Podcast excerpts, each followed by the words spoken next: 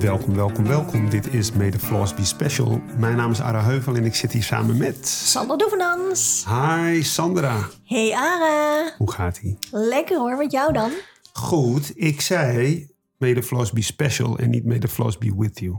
Precies, want naast dat wij natuurlijk heel veel interessante gesprekken met elkaar hebben, hebben we ook nog de specials met altijd een inspirerende gast aan tafel.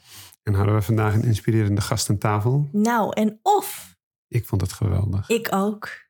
We hadden Joris Luijendijk. Yep. Uh, bekend van meerdere boeken. Het zijn, Het zijn- net mensen. Precies, het kan toch niet waar zijn over de banken? En eh, nou, zijn laatste boek, die, eh, die misschien wel de meeste publiciteit heeft gekregen, maar de minste sales. De Zeven Vinkjes. Ja, dat deed wat stof opwaaien, hè? Ja, dat heeft, eh, dat heeft wel gezorgd voor, eh, gezorgd voor het ongemakkelijke moment, zoals je al zei. Ehm, best wel aandacht geweest. Best wel negatieve publiciteit gehad ook. Juist vanwege dat ongemakkelijke verhaal. Want het is gewoon weer een kei, een dijk van een boek. En het is gewoon weer geweldig lezen eh, of luisteren. Want dat heb ik gedaan. Ehm, maar het gaat wel over een pijnlijk onderwerp. Ja. En, en, en eh, ja, hij, hij, hij legt hier iets bloot waar niet iedereen op zit te wachten. Nee, vooral niet die 3% van de hele samenleving in Nederland, als we het even op Nederland eh, eh, focussen, die natuurlijk die zeven vinkjes hebben. Ja. En dan hebben we nog een paar procent extra, hè, de vrouwen, dus dan zes vinkjes. Ja. Versus die andere meer dan 90% van de mensen, hardwerkende mensen, die gewoon veel meer moeite moeten doen als het gaat over de sociale klassenladder om ergens te komen. Ja, ja, ja bijzonder. En, en de weerstand die jij heeft gehad om dit boek, nou ja, eh, goed te kunnen verkopen. Ik bedoel, hij heeft normaal gesproken volgens mij tussen de 250 en 300.000 verkopen. En nu is hij blijven steken op 50.000. Wat natuurlijk nog steeds een respectabel aantal is. Hè? Er is helemaal niks mis mee. Eh, ik denk Maar het is wel schrijver- frappant. Maar het is wel opmerkelijk. Ja. Nou ja, en wat ik ook zo opmerkelijk vond, is dat dan vaak wordt zijn boek dan gekocht door vrouwen die het dan weer geven aan hun man, broer, vader. Dus het is ook wel interessant om te zien dat, nou ja, die mannen dat dan zelf, die zeven vinkers, dus dat gaat niet zozeer over de witte man in het algemeen, maar gaat specifiek over een hele kleine groep witte mannen en een kleine groep witte vrouwen met zes vinken, die gewoon flawless door het leven zijn gegaan. Eigenlijk vergeleken bij meer dan 90% van de samenleving die zich op moet werken als het gaat over sociale economische klasse, als het gaat over migratieachtergrond, als het gaat over een lichamelijke beperking. Eigenlijk het gros van de mensen, gewoon die normale Hollanders, Ja. die er in allerlei geuren en kleuren zijn, die niet die vinkjes hebben. Nee, precies. En, en die vrouwen die dan zes vinkjes hebben, die zijn dat alleen maar eigenlijk omdat ze vrouw zijn. Want als ze man waren geweest, hadden ze zeven vinkjes gehad. Precies, precies. Want die zijn net zo succesvol. eh, dat zijn toch de, de, de mensen waar de meeste baantjes in de topfuncties, eh, eh, waar topfuncties aan worden uitgedeeld. Natuurlijk hebben ze er hard voor gewerkt en natuurlijk hebben ze ook hun best gedaan. Maar het is wel typisch dat het helemaal binnen dat groepje blijft. Het is een beetje een eng netwerk waarbij, waarbij ze elkaar eh, baantjes toespelen. Ehm, eh, en wat jij wel terecht zegt, en dat zegt, dat zegt Joris ook. eh, dit gaat niet over de witte man of witte, witte vrouw uit Nederland. Dit gaat gewoon over die zeven vinkjes. En er is dus een hele duidelijke distinctie, een heel duidelijk verschil tussen iemand met zeven vinkjes. En die wit is een man, hè, zeven vinker. Of iemand die er maar drie of vier heeft. Want een witte Nederlander, ik chargeer eventjes, die maar drie of vier vinkjes heeft, heeft het dus ook gewoon zwaar. Die is dus ook gewoon de dupe van het systeem wat in stand gehouden wordt door die zeven vinkers. Dus het idee dat als Joris, en ik, ik spring gelijk eventjes voor hem in de bres. eh, als, hij wordt, als, hij, ja, als hij zo wordt neergezet zoals hij is neergezet. En, en, en heel veel witte Nederlanders denken bij zichzelf: ja, maar dat is verdomme, denkt hij wel niet. Gaat hij nu, gaat hij nu eh, ons belachelijk maken en mag ik niet eens meer wit in Nederland? Nee, nee, nee, nee, nee, nee, nee. Het, ga- het gaat niet over die groep. Het gaat over die dus- excellente groep van 3% witte zeven En vinkers. volgens mij En, 3% bij de vrouw. Dus het gaat dus over, maar over 6%. Dus 4, eh, maar die wel 34%. allemaal die topfuncties bekleden.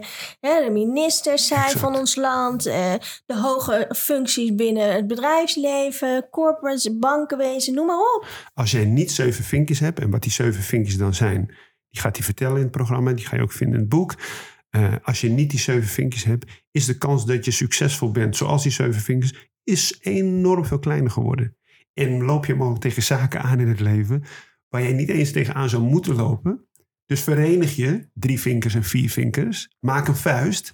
Precies. En wat voor kleur je ook hebt, wat je afkomst ook is, ben je een drie of een vier vinker, verenig je of een tegen die twee zeven of een één. Ja, vinker. natuurlijk. Ja. Nee, dan, nog, dan, nog, dan juist. Dan nog meer. Ja, eigenlijk is het gewoon, hè, net als hoe vroeger de sociaaldemocratie opkwam voor de arbeiders hè, tegen het establishment. Ja. We zien nu in Nederland dat we dat allemaal ge, gefragmenteerd hebben in allerlei kleine subgroepjes die voor een bepaald doel op aard zijn. Ja. Dat gaat hier natuurlijk gewoon over het gros van de mensen tegen een heel klein systeem. Van een een hele kleine groep die het hele systeem ja, beïnvloeden, gebruiken. Misbruiken, hier en daar. Nou ja, als ze dus zo, zo, zo blind nog zijn voor hè, de flawlessness van hun leven, van hun netwerk, van dat compliment en dergelijke. Ja, ik weet niet of ze het dan misbruiken, maar ze zien het in ieder geval niet. En nou ja, die verkoopcijfers laten zien dat ze het ook niet willen zien. Hè? Nee, dus dan begint het wel te schuren als je het ook niet wil zien. nee, het is eh, onbewust onbekwaam. En, en nou ja, als, je het, als je het niet wil zien, dan heb je een keuze gemaakt. Hè? Dus dat Precies. betekent dat je het waarschijnlijk wel ziet. En als je dan groter wilt trekken, we hebben het altijd over die paar procent belachelijk rijke mensen in de wereld die de dienst uitmaken. De, de Googles en de, de, de, de Facebook en de Amazon. Amazon, dus de, de, de, de, Elon Musks van deze wereld. Dat is maar een heel select groepje waar je echt van kunt denken, doen jullie wel het juiste met de wereld? Doen jullie wel het juiste voor de wereld? In een veel kleinere schaal is dat hier in Nederland het geval. Is een klein select groepje die door hun achtergrond en hun netwerk altijd op de juiste plek belanden. En daar ook beslissingen nemen. Terwijl ze het, het gevoel wat 90% van wij allemaal eh, meemaken niet eens kennen. Omdat ze daar... Ja, het gaat, hè, ze krijgen een jubelton. Ze hebben een netwerk vanuit hun, eh, vanuit hun familie. Of, eh, en ze hebben gewoon continu gehoord hoe goed ze het wel niet doen. Ja, ja. En dat wil niet zeggen dat deze mensen ook geen pijn, verdriet, verlies hebben ervaren. Maar iets meer bewustzijn van dat er mensen zijn die op een hele andere manier zijn gekomen met zo'n grote achterstand. Ja. En als je dat dan doortrekt naar, nou ja, talent, naar de top, meneer de directeur. dan, eh, ja, luisteraars, Ara is namelijk een nieuwe directeur geworden van Talent naar de Top. Dus hij gaat er ook nog werk van maken. Maar het gaat er natuurlijk wel over. Hè? Hoe gaan we anders naar talent zien? En dus ook gewoon erkennen om eerst te zeggen van... hé, hey, hoe ben ik eigenlijk op deze plek gekomen? ja. oh ja, met zoveel, Oh nee, toch niet kaartwerken. met zoveel vinkjes van... hé, hey, maak ik dan wel de juiste beslissingen? Of hoor ik mijn team dan eigenlijk niet uit te breiden met mensen met... Ja, want ik zie ons... Oké, volgens het boekje hebben we dan twee of drie vinkjes. Maar je zou natuurlijk ook kunnen omdraaien. We hebben zoveel extra vinkjes die niet in dat rijtje staan... omdat die kleine groep dat helemaal niet kent. Nee, Maar nou, ik denk van grote meerwaarde, als het niet misschien gewoon meerwaarde is. nee, ik denk, Ja, ik nee, heb een woordgrap dat is een, niet? dat is een goede Nee, woordspeling. Nee, jij zeker. leuk? Nou ja, en ik hoor wat je zegt, want, want, want los van de vinkjes die we, die we hebben, hebben we het over de weerstand waar we al jaren mee, en al vanaf jongs af aan, eh, mee te kamp hebben, waar we mee dealen. Dat betekent dus dat we heel alert zijn, Flexibel. heel goed kunnen aanpassen, echt gewoon een chameleon kunnen zijn, om onszelf gewoon of onzichtbaar te maken, of juist heel eh, acceptabel voor een omgeving. Dus we zijn heel, ja, we zijn eigenlijk super flexibel. En ik denk dat we daarom, alleen daarom al, meerwaarde hebben voor de organisaties Ja. en voor, voor, voor, voor de samenleving. Maar, en ik denk dat sommige mensen dat ook wel herkennen, dan nog, hè, al doen we dat. Het, hè, we, we komen ook op bepaalde posities. Jij bent nu directeur geworden van eh Talent naar de Top. Ja. Ik ben dagelijks bestuurder. Ik bedoel, dat geeft ook ongemak voor sommige mensen die denken: hé, hey, eh, Ja. ga eens even lekker terug in je hok. Ja, wat, hoezo- eh, wat, hoezo? wat, wat, denk- jij nou? Ja, ja. Ten eerste, eerst wilden we niet werken. En nu willen we werken. Is het ook weer niet goed. Wat nee, precies, wat wil je nou eigenlijk? Super lastig.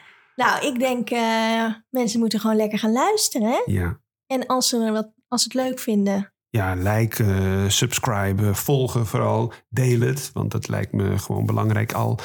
Eh, Natuurlijk vanwege de podcast, maar echt het verhaal dient gewoon verspreid te worden. Spread the word, lijkt me, zou ik ja, zeggen. zeven vinkjes. Dus koop hem, eh, werk je bij een bedrijf, boek hem. Ja. Eh, want echt de zeven vinkers van de wereld, en dat zijn er dus niet zoveel. Nee. Dus in die zin is het een hele kleine groep die we En ook een eigenlijk klein maar probleem die we, die we omver hoeven te stoten. eh, als Van je de troon af hoeven te stoten. Nou ja, op ieder geval begint het bij bewustwording. Hè? Ja. Dus dat ze ook gewoon bewust zijn van hun privilege. En zich echt niet schuldig hoeven te voelen dat ze dat allemaal hebben gehad. Want ik gun het ze van harte. Super fijn. Ik dat wij dat ook hadden gehad. Maar wees er wel bewust van. En zeker als je op positie zit waar je keuzes mag maken. Ja. Over de, nou ja, de werknemers, over de nieuwe directeuren, over de nieuwe politici van de wereld. Ja. Ik bedoel, nou. En als ze het niks vinden, ja, dan moet je toch gewoon echt lekker je bek houden, denk ik. En je kan je lichaam wel trainen. hoor. Dus ik kan er gewoon met dit weer kan ik een kwartier in. Goh. Ja. De eerste, de eerste 10 seconden zijn waarschijnlijk toch wel. eh, Valt wel mee. valt ook. Ik, mijn, ook mijn ademhaling is dan... Dat is echt een gebeurt in je lichaam. Maar dan praat, kan ik gewoon met je door blijven praten. Terwijl ik gewoon zo het water in loop. Terwijl dus als je dat ongetraind doet... ben je echt overtuigd dat je doodgaat. Ja. Maar dat is ook zo fascinerend. Dus wat gebeurt er nou... Wat is er nou veranderd in je lichaam? Dat je dus helemaal niet meer in paniek raakt van kou. Het is dezelfde temperatuur. Het is hetzelfde lichaam. Dus er zit iets in mijn stofjes of zo. Adaptatie, Ja, ja. dat, paniek kun je toch, dat, dat, dat kun je trainen toch? Ja. Daarvoor train je toch Ja. inderdaad. Ja. Je lichaam... eh, En het is dus ook een hele raar signaal van je lichaam. Want het is onnodige paniek. Nee, maar er zit ook nog zoiets als echt een fysiologische reactie op een werkelijke kou natuurlijk. Want je krijgt ook een, een vernauwing van je vaten. Ja. Dat gebeurt wel echt. Ja. ja, en je hebt dus ook ja. mensen die dus gewoon, die gaan oud. Hè? De meest groot getrainde jongens, grootst getrainde jongens, die gaan gewoon oud. Hè? Echt gespierde gasten heb ik gezien bij die SAS-trainingen. Als die in een bad met 4 graden springen, Ja. klapt het dicht. Ja. Ja. Te weinig bloed, boem, gaan zo oud. Of in het algemeen ga je vooral onder de douche uit. Omdat je dus dan te snel temperatuur oh, omhoog in die wisseling. Maar het, gevaar is eh, euforie. Dus dat je erin ligt. En dat je denkt, ik heb het helemaal niet koud. Ik heb vast verkeerd gekeken. Ik blijf er nog een kwartier. En dan kom je eruit en dan krijg je die afterdrop. En dan, dan, ga, je, dan ga je echt om. Heb je dat een keer gehad? Nee, maar wel bij een vriend van mij. Die gewoon mijn advies niet aannam. Ik zei van, Gijs, je hebt dit nog nooit gedaan. Je gaat erin. En daarna ga je denken dat je gewoon God bent. En dan moet je eruit. Ja, hij, natuurlijk inderdaad. nee, ja, dit is heerlijk. ijskast. Ja. Die heeft het wel geweten. Oh jeetje. Nee, niks voor mij. Nee, welkom. Fijn dat je er bent, jongens. Hier aan onze soort van keukentafel. Ja. Hé, Ara? Nee, absoluut. Ik ben blij dat je er bent. Eh, ik vertelde net aan Joris dat ik eh, een, een raar moment heb toen hij binnenkwam. Want ik heb vannacht eh, zijn audioboek nog geluisterd. Dus ik ben met hem in slaap gevallen. En ik heb een lange dag gehad. Dus ik ben echt een paar keer, ik denk in een uur tijd, echt vier keer weggevallen. En dat ik steeds dacht, oh shit, ik moet terug. Zes minuutjes terug. En dan, ja, nou goed, en dan hoor ik die stem. Leuk, interessant en leuk boek trouwens. Maar je valt er wel bij in slaap. Dat is natuurlijk niet echt... eh, Nee, maar dat moet je niet persoonlijk nemen. Nou, want nee, dat is persoonlijk. Dat is gewoon... eigenlijk een compliment. Ik voelde me helemaal op mijn gemak. Ja, dat is het, eigenlijk. ja. Dat was het. Ehm, waar kom je nu vandaan? Ik kan nu uh, uit Ooster fietsen, Amsterdam-Ooster, waar ik woon. Uh, dat is een flinke fietstocht. Ja, dat is heel minuutje- Een knap. minuutje of uh, 40, 50 in de regen. Dus ik ben helemaal wakker. En waarschijnlijk begon je met, oh, dit kan ik wel op de fiets doen. En toen was je halverwege, dacht je, oh, het is toch verder dan ik dacht. Ja, het Westen is wel... uh, uh, je bent, als je in Oost woont, ben je gewend dat het vrij snel ophoudt. Daarna komt nog wel Eiburg of zo, maar dan is het echt klaar. En hier gaat het maar door. Ja, Dus, ja. Maar ik, ben, ik heb ooit, in, uh, tenminste als klein jongetje woon ik in West, dus ik had beter moeten weten. Dus ik ben hier echt uh, in de Willem-Molhof, dat zit hier echt daar. Oh ja, dat is echt uh, Nieuw-West, ja. Nieuw-West? Ja. Nieuw-West, ja. Dat, is nog een, dat is een ik- pijnlijk punt, We, zitten is hier met een dagelijkse bestuurder uit Nieuw-West. En elke keer als ik dan zeg West, dan zegt ze Nieuw-West. Ja, Het is ook dat- echt een ander stadsdeel. Nou, een vriend van mij, Pieter Hilhorst, woont ook in Oost. En die is ook altijd heel erg sportief. Die gaat ook met zijn eh vouwfiets altijd overal naartoe. En die dacht ook, oh ja, ik kom wel naar je toe gefietst. Toen zei ik nog, ik zou met de auto komen. Toen zei hij, ik heb niet eens een auto. Nou ja, en toen kwam hij aan en toen dacht hij ook, oh ja, het was wel verder dan gedacht. Maar een vouwfiets vind ik zeer ernstig. Ja, ik dus een, een lelijke auto kan. Ik heb zelf ook een hele lelijke tweedehands auto. Maar een vouwfiets, wat dat doet met het postuur van een man, dat kan eigenlijk niet. Ik Ja. heb ook zo'n zo'n hele mooie oude, solide fiets eh, die vroeger werd verhuurd op de Schelling. Ik vind een, een fiets, een, een man op een vouwfiets, moet je er eigenlijk afgeschoten worden. ik zal het aan hem doorgeven. Maar hij luistert vast. Hij is wel heel lang, hè? Dus. Een foutfiets is het. Voilà. ja, nou ja, hij is wel echt sportief. Ik, bedoel, ik kan niet zeggen dat ik heel veel op de fiets doe. Want, want, want hoe zit je dan? Ik zit, dan zit je heel rechtop volgens mij. Dat is heel kunstmatig. Ja, ja, en je hebt die, die wieltjes, die zijn heel klein. En zo. Oh, dus je ja, krijgt ja, een hele raar vervormde... circus. Nee, het is eh, gewoon... eh, Het zou niet moeten mogen. Dus ik zit nu te denken, ik heb intussen ook twee fietsen. En mijn ene zijn allebei elektrisch, dus ik beken meteen kleur hoor. De ene is dan, eh, was dan een soort van normale fiets elektrisch, maar die heeft mijn zoon ingepikt. Waardoor ik nu dus de oude eh vouwfiets, elektrische fiets van zijn opa heb. Dus ook een vrouw. eh maar ja, ik ga heel weinig, hè, dus het, mensen fiets. zien mij heel weinig. Behalve als ik bijvoorbeeld een eh, fietstour heb, als het mooi weer is, langs projecten of zo. Met oude mensjes, dan ga je dan door het stadsdeel. Onder andere. Je hebt wel een auto. Ja, Wat voor auto heb je? een eh, Toyota Avenzo Versus. Of Zo'n gezinsauto. Ja, Oh ja. ja, ja. lekker, daar past alles in. Ja. ja we krijgen altijd van die kaartjes van mensen die hem willen kopen. Omdat die, eh, hij is dus iets uit iets van 1971 of zo. Oh, En die wordt niet meer verkocht. En die is dus Oh. voor eh, nee, vier stoelen achterin. En dat is voor grote gezinnen. Heel aantrekkelijk. Ja. Dus wij hebben... Dus er zijn zes stoelen dan in totaal. Ja. Oh, wat Ja. grappig. Nou, dat is wel cool. Dus eh, ja, ik had op zich, eh, denk ik... Ik heb dat helemaal toen uitgezocht of het beter is om een elektrische auto te hebben. Eh, ik, heb, ik ben in de positie dat ik me dat zou kunnen voorloven. Maar als je een auto bijna niet gebruikt, is het helemaal niet zoveel beter om een nieuwe elektrische auto te kopen. Dan kan je veel beter je oude auto eh, afrijden. En ik gebruik hem bijna nooit, want ik doe eigenlijk alles met openbaar vervoer en de, en de OV-fiets. Die er ook niet uitziet, trouwens. Nee, die is gewoon blauw met Zo, geel. die, die is lelijk. Ja. Ja, dat doen ze zodat hij niet gejat wordt. Ja, en dat werkt. Want je, je denkt van, nou, dan ga ik wel lopen. Ik ga het niet, ik- dat ding ga ik niet jatten. Want hoe ziet jouw gezinssamenstelling er dan uit als je zelf al stoelen hebt? Eh, ik heb drie kinderen. Oh ja, dus ja, met z'n vijf. Wij zijn met z'n vijf. En hoe oud zijn de kiddo's? Ik, ja, ik, blijf, ik hou dat altijd een beetje voor me. Omdat zij daar ook niet om hebben gevraagd dat hun vader zich eh, eh, zo nodig in de kijker moet spelen. En eh, dat krijgen ze allemaal weer terug. Ja, Dus nee, dat eh, snap dat ik. hou ik altijd zo'n beetje voor me. En, Maar eh, de, de luiertijd is wel voorbij. Ja, ja, ja, Ja. ruim. Ja. Ja. Oh ja. ja, dus ze kunnen ook kritisch kijken Zeer naar zeker. wat je... Oké, oké. Zeer zeker. Eh, en en ehm, hoe was jouw gezinssituatie thuis? Heb jij broers en zussen? Ja, ik heb een zus en een broer. Ik ben de oudste van drie. Oké. Zo'n klassiek middenklasse gezin. Dus mijn eh, ouders, mijn moeder is een klasse, nou niet echt een klassemigrant, want haar vader was al leraar. Wel uit Eindhoven. Eh, en de- die heeft mijn vader hier ontmoet die- toen ze hier studeerde. Mijn vader kwam uit het zuiden, maar is eigenlijk Zuid-Holland. Eh, en ja, die, die zijn hier toen in de Bijlmer gaan wonen. Dat was toen de- 1970. Toen was de Bijlmer wat nu Eiburg is eigenlijk. Oh ja.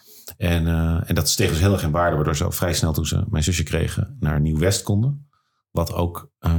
Toen was dat natuurlijk stad- ook allemaal met een nieuwe Dat, dat was echt die expansie van de stad. En toen zijn ze op een gegeven moment naar Hilversum verhuisd. Ehm, tegen mijn zin, maar ik was vijf. Ik heb me werd altijd, niet afge- geluisterd. altijd afgevraagd hoe mijn leven anders was gegaan als ik in Amsterdam was blijven wonen. Een veel bredere keu- keuzegat in scholen. Veel bredere keuzegat in sociaal leven. In Hilversum had je, had je gewoon één straat waar iedereen die uitging naartoe ging. Hè? Dat is heel Ja. verstikkend. Dat betekent dus als je, als, als je daar dus iets doet en dat gaat rond, dan moet je je daar de hele tijd toe verhouden. Terwijl in Amsterdam ben je gewoon vrij. Anoniem. Anoniem. Neur. Ja, ja, ja. ja, Ja. Ja, terwijl het ook, zoals Londen is dan nog tien keer zo groot, waar ik heb gewoond. En dan, dan vervliegt alles. Dus Amsterdam heeft echt wel een vrij optimale omvang, vind ik. Ik heb nu Cairo meegemaakt, dat is zo'n 30 miljoen. Londen, dat is 8 miljoen. Amsterdam, 800.000. Hilversum, 80.000. En ik vind Amsterdam vind ik precies goed. Ja, dus je kan eigenlijk nog wel een band opbouwen met je buren. Maar als je een keer losgaat in de club, is het niet meteen dat je met een stempel Ja. op je hoofd Ja, rondloopt. niet dat ik ooit naar een club ga, maar Het zou kunnen. het zou kunnen in theorie. Maar tegelijkertijd is Amsterdam ook weer een dorp.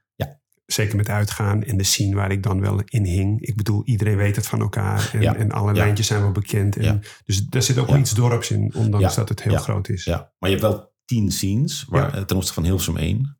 Eh, en dus kun je dus ook eventueel skippen van ski, eh, Ja. eh, overspringen van scene. En dat, was, die, dat was in Hilversum was gewoon de kakkers en de dijkers, zoals dat heette. Oh ja. En dan, we- ik hoorde bij geen van beiden, maar dat was iedere ochtend, vrij, maandagochtend was altijd de vraag wie is er in elkaar geslagen door de dijkers op school in het Want de gymnasium. dijkers zijn de... De dijkers was het, zeg maar, de, de Johnny's en de Anita's. Die werden ook echt zo genoemd. Ja. Met lang haar. En, eh, ja, en die, die, die voerden gewoon de klasoorlog in het weekend. Dan sloegen ze dus die kakkers in elkaar. Wat ik ook op zich toejuich. Begrijp. Ja, ik kan dat alleen maar waarderen. Uh, ik stond er wel op dat ze begrepen dat ik daar niet bij hoorde. Maar ik voetbal ook. Dus dat, dat, dan uh, snappen ze het wel. Want als je hockey deed, dan hoorde je bij de kakkers. Wel. Ja, eigenlijk ja. wel. Ja, bijna alles. Omgekeerd het gelden niet. Je had ook kakkers die niet hockeyden. Maar ja, en voor de rest, ja, het was de jaren tachtig. Dat was toen, toen Lubbers kwam en Thatcher en Reagan. Toen werd Nederland in hoog tempo rechts. Ja. En dit waren de kinderen van die rechtse mensen. Dus dat was heel dat was vreselijk. Die, eh, 90% ging bij het koor. Ik heb dus ook Oh, bijna met niemand meer contact, want die hebben zo'n andere levens. En hoe zag jouw jeugd er dan uit? Want je was dus nou, vijf en toen ging je dus naar Hilversum. Ja. En dan kom je daar dan, nou ja, wat er vanuit buitenkant natuurlijk best wel monotoon uitziet. Ja. Intern gebeurt dan van alles. Hoe- Hoe is dat dan om nou ja, je, je basisschool eh, Ja. daar mee te maken, je middelbare school? Ja, die, die basisschool dat was, die was vrij, vrij volks. Uh, Hilversum is ook heel arm. Hè? Je hebt hele rijke mensen, hele arme mensen. Uh, en, maar dat gymnasium was, was echt zeer elitair. Zeer, zeer elitair. Ook veel elitair dan ik besefte. Dus ik zie nu pas aan de huwelijken... dat daar dus ook heel veel adel zat. En, en die ook allemaal met elkaar zijn getrouwd en zo. En dat ontging me eigenlijk een beetje. Uh, ook omdat ik daar dus helemaal niet bij hoorde. Uh, terwijl ik dus zelf ook wel weer echt... Ik reken mezelf echt tot de elite. Maar ik zag daar dus... Daar heb je dus binnen die elite heb je echt ook weer een laag. Ja. Die nog echt even een stapje verder zijn. Maar dat merk je dus niet in onderling contact. Nou, terugkijkend zag je toch wel dat ze dus uh, bepaalde feestjes waar zij elkaar troffen en uh, ouders die elkaar kenden en uh, vakantiebestemmingen die werden gedeeld en dat soort dingen en zo. Daar had ik eigenlijk helemaal geen weet van. Maar dat viel allemaal wel mee hoor. Ik weet van bijvoorbeeld het Barlees Gymnasium dat ze daar toen echt gewoon een klas hadden voor de ene en de klas voor de andere. Was niet op, was het nog iets jonger. En ik weet van Menno Grootveld, dat die, was, die is vertaler voor de Groene Amsterdam onder meer. En die, uh, die vertelde dat hij dus uh, la, jaren later ontdekte dat hij op het Barlees niet was uitgenodigd voor een aantal examenfeesten. Want die waren alleen voor de hogere middenklasse. Nee. Wow. Dat was gewoon zijn eigen klasgenoot. Ja, dus dit soort, dit soort mechanismes die, uh, ja, het is grappig, want je kan dus altijd jezelf zien als het slachtoffer hiervan. En jezelf, het is heel moeilijk om jezelf ook te zien, niet zozeer misschien als dader, maar wel als, ja, als medeplichtige. In de zin van, er waren natuurlijk ook om feestjes waar ik kwam, waar anderen niet weer werden uitgenodigd. Nee, oké. Okay. Maar, maar het voelt altijd vervelend toch om buitengesloten te worden. Zeker om er dan later achter te komen lijkt Ja, best. Al waren dit, dit, dit waren dan niet feestjes waar ik graag had willen zijn. nee, maar nee, je had de keuze a, a girl likes to be asked, ja. zoals ze zeggen. Ja, dat dan kon je nee zeggen. Nee, ja, dank precies, je. ja. ja. En je, in je voetbalde, dus was het een bewuste keuze of vind je dat gewoon echt Ik vond leuk? het wel echt heel leuk. Ja. ik had ook echt sterke plannen om professioneel te gaan voetballen. Welke positie speelde je? Nou, ik was een tijd lang je laatste man. Uh, ook omdat ik uh, als eerste buitenspelval begreep. Ja. Uh, dat scheelde echt. Dat is echt een factor uh, bij voetbal. Uh, en, maar dat, ik, vond het, ik, ik was er wel op zich wel goed in. In de zin dat ik dan in de, in de eerste mocht van de C'tjes en de D'tjes. En de E'en. Maar ik vond het niet zo leuk. En ik, je, het, als je de buitenspelval moet laten uitklappen, dan moet je heel. Moet je de, de backs, de verdedigers, moet je dwingen om op tijd weg te rennen. Mhm. Mm -hmm. En ja, dat, dat is, vond ik heel niet leuk om te doen. Dan moet je ze echt uitschelden als ze niet op tijd die stap zetten. Want dan krijg je een goal tegen. Ja. En dus toen en ben dan ik, lijkt jij, dan lijkt het alsof jij de fout hebt ja, gemaakt. ik was dat de verantwoordelijke. Ja. Ja. ja. En dus toen ben ik midden-midden gaan spelen, uh, veel lager. En dan mocht ik, maar ik mocht nog wel, dan, want dan hadden ze tekorten, mocht ik links half spelen uh, in het eerste, in de C1 weet ik nog. En dat was ook omdat ik zulke leuke verslagjes schreef. Ik was eigenlijk misschien net niet goed genoeg, maar dan mocht ik meedoen, want ze vonden het vernederend bij de C1 als de C2 leukere verslagjes had. Oh. En de trainers waren ook, eentje was journalist, Erik Klap. Uh, en die, ja, die, die had wel het idee van wij hebben wel de leukste verslagjes. en die toen, gingen dan in een krantje. Ja, ja die, dan hadden al die voetbalclubs hadden krantjes. Ja. Die werden ook heel vaak gecensureerd. Omdat ik dan dus, ik maakte dan allemaal hele valse grappen over de tegenstander. Uh, en ik, ik had er gauw door als je heel erg overdreef, dat dat heel grappig kon zijn. Geef een voorbeeld. Ja, dus dan, dus dan, dus dan, dan ja, dus, dus hoe smerig de, de, de, de, de kleedkamers waren of zo. Of hoe dom, de, de, hoe partijdig de scheidsrechter. Ja, toen ook Pisa. Dat was een programma met Henk Spaan en, Har en Harry Vermegen. Oh ja. En dan, dan, dan zonden ze de, de, uit, de wedstrijden uit van Pisa. En dan verloor Pisa bijvoorbeeld 8-1. Dan liet ze alleen het doelpunt zien wat Pisa had gescoord. en daar, daar had ik dus van gezien. Van, oh, dat kan je dus doen. Je kan dus gewoon, als je 6-1 ja. hebt verloren, beschrijf je alleen dat goal wat je zelf hebt gemaakt. Uh, dus ik, de, toen ontdekte ik al wel van, hé, hey, dat, dat is wel fantastisch. Als je gewoon schrijft, dan kan je helemaal zelf controleren wat je zegt. En, uh, en dan uh, wordt dat gewaardeerd. En, en is, dat, daar dat dan ook dat nou ja. schrijven? Ja, ja, ja, ja, ja één gedachte natuurlijk. Ja, ja, ik had ook wel in de schoolkant deed ik het ook en zo. En Ja, ik denk dat dat zeker, dat ik al heel vroeg besefte van, hey, dit... Andere mensen hebben dat denk ik met muziek. Die dus opeens ontdekken van, hey, op het moment dat ik die gitaar pak en ik ga spelen en dan opeens werkt het. Uh, en ik denk bijvoorbeeld, uh, ik denk vrouwen worden vaak aangemoedigd om het met schoonheid te doen. Dat ze merken van, oh, als ik me helemaal mooi maak, opeens... Respons. Respons. Bij vrouwen is het vaak uh, zorgend of uiterlijk. Ja. bij mannen is het denk ik, word je vaak gestimuleerd om dus iets te doen. Ja. Um, en dat was bij mij dat schrijven, ja. ja. Altijd zo gebleven. En hoe oud was je toen je je eerste stuk schreef waarvan je dacht, ja, dit, dit, dit is wel interessant? Of dat je echt een reactie kreeg waarvan je dacht, ja. Nou, ik weet wel, ik was toen denk ik zo'n jaar of 13, 14 of zo. En toen had ik dus de trainer Erik Klap, had ik uh, omschreven als uh, uh, iemand die zich uitgeeft voor Erik Klap. En toen kwam hij dus de volgende week naar me toe en zei hij dat is wel echt een hele goede grap van je. En toen dacht ik, oh tering, ja jezus, dat gaat echt, dit is echt leuk. De, de trainer, die, ik heb nooit een compliment over voetbal. ik kon helemaal niet goed voetballen.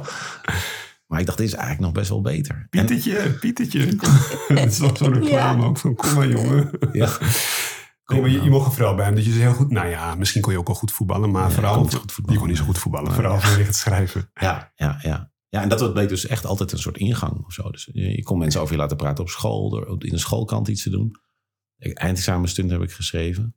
Dus ik, ja, als ik kan schrijven, dus eigenlijk het contact helemaal kan reguleren en dan helemaal op mijn voorwaarden, dan kan ik daar iets doen wat, eh, wat mensen waarderen. En, en wat doet dat met jou op die leeftijd? Want ik ben zelf, uh, ik heb gevoetbald en ik merkte al heel gauw dat dat mijn uh, trucje was. Waarmee ik dus heel veel voor elkaar kreeg en heel veel aandacht Wat kreeg. speelde jij? spits. spits. Linksbuiten. Linksbuiten, ah ja. ja. ja. Dat maakt ook nog verschil, hè? Of bij nee, spits absoluut. of niet Ja, dat maakt zeker een verschil. En, ja, maar, heel snel was je. Ja, en, en ook wat technisch. Dus dat, uh, ja, ja, dat was ik wel. Maar ik ben al de laatste jaren ben ik echt spits nummer 10. Maar in die tijd echt linksbuiten. De snelheid is wel een beetje... Met de jaren. Toch, je zit niet voor niks in het veteranenteam van Ajax. De naam zegt het al. Je bedoelt het veteranenteam? Of bedoel je Ajax? Nee, de veteranen, ja. ja, dus het is niet meer wat het was. Uh, hoewel ik daar nog steeds een van de snelste ben. Uh, Even om dit in een perspectief en context te brengen. Wat was ook weer die, die man, die oudste man uit het team die laatst gestopt was? Die was 82? Ja, die is, ja, die is 82. Nee, oké. Okay. Ja. ja, even dat de mensen ook nog... Kutopmerking bedenk ik net. uh, en, en dat ik merkte aan mezelf dat ik inderdaad, dus ik had een trucje. Ik had een trucje waarmee ik dus heel veel, nou ja, het, het was ook statusbepalend natuurlijk. Als ik de klas in kwam, of op een nieuwe school, want ik ben best veel verhuisd, dan weet ik niet of ik goed kon leren. Ik was niet een ster op school of zo, maar ik kon wel goed voetballen. Het was altijd een, hé, hey, geaccepteerd. Ja. Had je dat met, met schrijven? Merkte je dat op een gegeven moment? Dat, dat aandacht van meisjes, ik bedoel, dat vond ik ja. Vind ik eigenlijk nog steeds leuk. Maar, ja. maar nou ja, van mensen ja. gewoon. En had, had, je daar ook iets ja. mee dat je dacht van yes, ik, ik, heb, ik heb echt iets, iets bijzonders. Ja, en ook de, dus de leuke soort meisjes. Namelijk die lezen. ja, per definitie. ja, want met die anderen kon ik niet zoveel. Weet je, die hadden ook belangstelling die ik niet had. Die, hadden nee. ook, die beoordeelden ook de wereld heel anders. Uh, maar dus de, ja, de leuke meisjes die dat dan lazen. En dan, ik weet nog wel, toen ik werkte voor de universiteitskrant Folia. En dan had ik een stuk geschreven en dan gingen we bij de, de Mensa, of ik weet niet hoe dat toen heette, waar je kon eten. En dan kon je erboven... Een soort aula. Aula, kon je erboven hangen. Kon je op de eerste verdieping. En dan kon je dus zien wie jouw stuk aan het lezen was. Oh, cool. Oh. Want je wist waar je stuk stond in die krant. waar je naartoe moest lopen om eruit nou te ja, vragen. Dat, dat, dat, dat durfde ik dan toch wel niet. Uh, ja, maar het is ook heel treurig. Hey, dat ben ik. Uh, maar nee, het idee dat je, dat je in, in mensen's hoofden zit, is echt wel buitengewoon apart. Oh ja. Dat is echt een heel apart idee. Dat je... Ja? Echt, en dat, dat helemaal nu met die luisterboeken, dan is het nog meer. Maar, maar als mensen het lezen, zijn, is het buitengewoon intiem. En dat is een, echt een intieme plek in iemands hoofd. Absoluut. Uh, dus ik vond het allemaal wel heel cool. Grappig zeg. Ja, jullie hebben echt een... Nou, jij deed het dan met je voeten en jij deed het met je Maar heb je dat niet gehad dan? Het moment dat je dacht van... Ik, nou ja, we moeten als Ja, vrouw zijn. Ik bedoel, een mooie vrouw, mooie uitstraling, Ja. mooie blik. Ik bedoel dat je in één Nee, beseft ik denk van... dat... hey, ik heb maar iets. maar ik, ik kan gewoon heel goed lullen. En, eh, en dat is wel mijn talent. Ja, maar is dat... Dat- ik bedoel... Ja, oké, ik, ik, ik trek het misschien nu een beetje naar beneden, maar ik heb natuurlijk, ja, ik was natuurlijk vroeg het huis uit. Dus ja, moest gewoon mijn huur betalen, moest werken. Ik raak, kwam in de sales terecht na de horeca en merkte, oh, nou, ik kan best wel goed iets verkopen. En gewoon eh, dat op een gegeven moment een vriend, een toenmalige vriend van mij zei van, jij kan zelfs een kookverslaafde nog iets te eten eh, aanbieden. Snapte ik nooit, maar als je dan blijkbaar kook gebruikt, dan heb je geen trek. Toen dacht ik, oh, dat is een compliment. Dus dat kan ik heel goed. En nu als politica is dat het eigenlijk ook. Hè? Ik bedoel, aan de ene kant ben je een ambassadeur. En aan de andere kant moet je dan ambtenaren verleiden, eh, bedrijven meetrekken. Ja, gewoon praten en daarmee mensen verleiden om eh, te. Ik kan het ook manipuleren noemen, maar ja, het is een soort verleiden. Ja, dat is denk ik mijn talent. Niet te veel afwijken nu, even uitweiden, want het gaat immers om... Zeker. Hè? Maar, maar er komt een moment, dan ben je 12, 13 jaar. En dan besef je dat, of dan realiseer je dat je een mooie meid bent. Of dat, dat, dat mannen geïnteresseerd in je vrouw zijn, zijn hebben. Zijn. Ja, nou, ik, vind, ik denk dat ik was natuurlijk een vrouw van kleur in eh, wit Amstelveen toen nog. Daar, ik heb dat nooit als fijn ervaren. Ik word toch heel erg als exotisch gezien. En had ook altijd chance van hele oude mannen. Dat ik dacht, dit is gewoon pedo-gedrag. Dus ik heb daar wel geleerd om altijd een beetje, Ja. weet je wel, naar beneden te kijken. En te denken, als je me aankijkt, dan komen ze opeens op je af als een soort vliegen. En dat wil ik niet. Daar heb ik nu nog last van. Ik, ik hou gewoon niet van dat... Oogcontact. Ja, ik, Lastig. en ik ben ook niet van de fashion en, en, en. Dus ieder is een talent. Dus ik heb daar weer vriendinnen voor die daar heel goed in zijn. Maar daardoor was ik nooit zo'n meisje-meisje. En dat is wel Ja. wat je op een gegeven moment een beetje moet leren. Hè? Dus het gaat om het hele plaatje. Ja, absoluut. Maar dat was niet iets waarvan ik dacht, oh ja, ik heb er geen profijt uit kunnen halen. Omdat het meestal, als je dan iets met, je keek iemand aan, dan denk ik, oh, we hebben, we he- we hebben het gewoon leuk met elkaar als vrienden. En dan willen ze toch altijd iets anders. Dan denk ik, ja, dat denk als vrouw daar dan sneller last van hebt. Ja, maar ik denk in het algemeen toch? Ja, Heel lastig om, om, om dat aan te voelen. Ehm, nou ja, jullie hebben daar vooral als mannen last van, om dat aan te voelen dan, hè? Omdat het dus niet, ja, we zijn gewoon vrienden, hè? let's stick to that. En dat je ja, dan maar als je denkt, nou gevoelens krijgt als man, hoe werkt dat dan? ja, nou ja, dan zou je dan misschien een Als gesprek over... puber, als puber. Ja. Ja, hallo. Nou ja, ik vond dat allemaal erg ingewikkeld. Is het ook? Ook als je van vrouw van kleur, dan ben je toch al sneller in je ontwikkeling. Dat gaat bij die hormonale pubers natuurlijk ook niet heel goed. Dus ik heb dat nooit echt als prettig ervaren. Goed, had je nog andere trucjes? Ik kon heel goed paardrijden. oh, oké. Amstelveen. Ja, daar moest ik uiteindelijk wel mee stoppen, want dat was gewoon te duur. Maar dat is wel echt een talent. Dus ja, ik hoopte vroeger al dat ik echt eh, dat daar heel, heel talentvol in zou kunnen zijn. En toen wilde ik bereden politie worden of actrice. Nou ja, ik denk bij politica, nou stel dat ik nou nog ga paardrijden, dan is het toch wel de cirkel rond. Ja. Eh, Joris, jij, jij eh, ontdekt dat je kan schrijven en dat er ook reactie op komt. En wanneer besluit jij dan, ik wil geen profvoetballer worden, ik wil schrijver worden? Ja, dat werd voor mij besloten. Oh, Oh echt? Nou ja, omdat ik gewoon echt zo slecht was met voetballen. dat, ik, eh, dat was gewoon niet meer eh, te rijmen met... de verwachtingen waren niet meer te rijmen met de prestaties. Eh, en, eh, maar ja, ik, ik dacht altijd van, ja, dit, dit, is, dit is wat ik ga zijn. Ik ga dit schrijven. En ik zie wel... Ik denk ook echt dat je wordt geen schrijver, je bent het altijd al. En misschien word je gepubliceerd of niet. Eh, en ik werd, ja, dat ging ook wel vrij snel.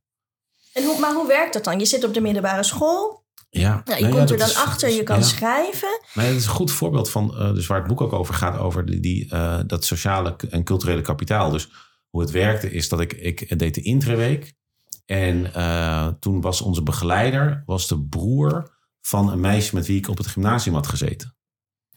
Ehm, en ja, dat is toeval. En die broer, die kent dan weer iemand bij Folia. En bij Folia, het blad van de Universiteit van Amsterdam, waren ze op zoek naar een eerstejaars die een recensie wilde schrijven van het boekje dat alle eerstejaars uitgereikt kregen. En zo gaat het heel vaak. Het is zo van, weet jij nog iemand die? En dat is dus wat, wat ze noemen van die soft ties. Hè? Van, die, van die mensen die je niet heel goed kent, maar waar je wel net gebro- eh, gebroep op kan doen. Ik heb geen rechten gestudeerd, maar ik ken mensen die recht hebben gestudeerd. Heb ik ooit een advocaat nodig, dan bel ik hen. Ja, Dat is ja onvoorstelbaar dus echt dat waardevol. netwerk. Wat is dus voor eerste en tweede generatie migranten zo verschrikkelijk moeilijk is. Omdat je, je hebt wel vrienden, maar daarbuiten zit zo weinig. Dus, en, en toen zeiden ze van, nou wil je dat stukje schrijven? En eh, ja, dat, dat heb ik toen gedaan. Toen kreeg ik dus voor het eerst geld.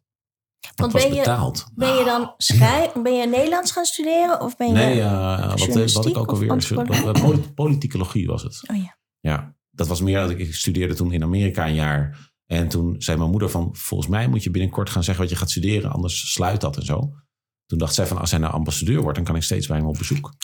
Als hij in die ambassade zit, want daar hebben ze een gastenverblijf. praktisch. Ja, heel praktisch. Wij hadden een ambassadeur in de familie en daar ging ze dan wel eens op bezoek. En dan dacht ze, dit is de life. Uh, maar ik, ik vond dat politicologie helemaal niks. Uh, dus ik was daarna vrij snel weg naar Arabisch geschiedenis, antropologie en zo. Uh, maar dat, dat, uh, dat ging ik doen, ja. Ja, want dat weet ik nog. Want ik heb uiteindelijk, omdat ik ben zonder diploma's van school gegaan, want ik moest gaan werken. En toen heb ik dus een korte uitstap. Ik heb een café gehad, nou, ging maar mis, 100.000 euro schuld. Toen was ik zwanger van mijn zoon. Toen dacht ik, oh ja, ik moet wel een diploma halen, want anders krijg ik hem natuurlijk nooit aan een diploma. Nou, heeft helemaal niet geholpen hoor, zit nu in de puberteit. Maar toen wilde ik dus antropologie gaan studeren. Dat ben ik toen gaan doen. Dan heb ik een keer een, wat ik deed aan de VU. Dat was goed te combineren, één locatie als je Ja. een baby hebt.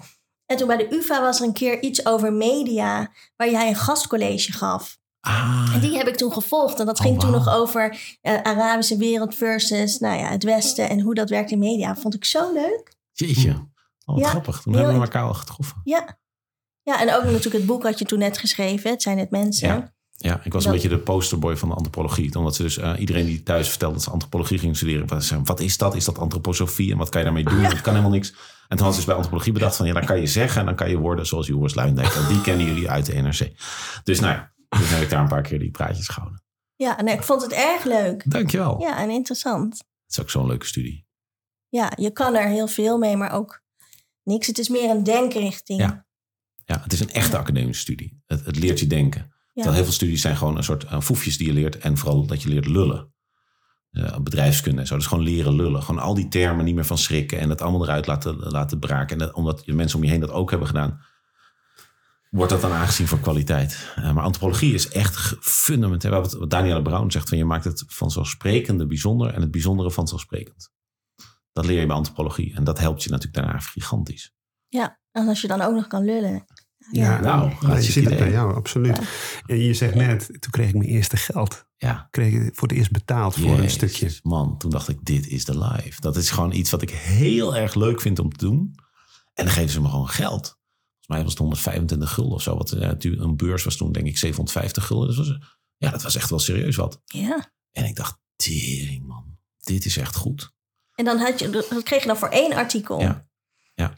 Ja. Dus toen Ja, begon toen je als ZZP'er of zo. Nee, nee, nee, want eh, daarna ging ik gewoon studeren. En toen, Oh ja. eh, toen vroegen ze me ook niet terug of zo. Dat, dat was gewoon eenmalig. Maar ik had... eh, Het dat- zaadje was wel geplant. Het zaadje was al geplant. En ik dacht wel van ja, dit is wel, dit, dit stop ik wel in mijn cv. Dat ik, en even later, een paar jaar later, kon ik bij, bij Folia leerlingredacteur worden.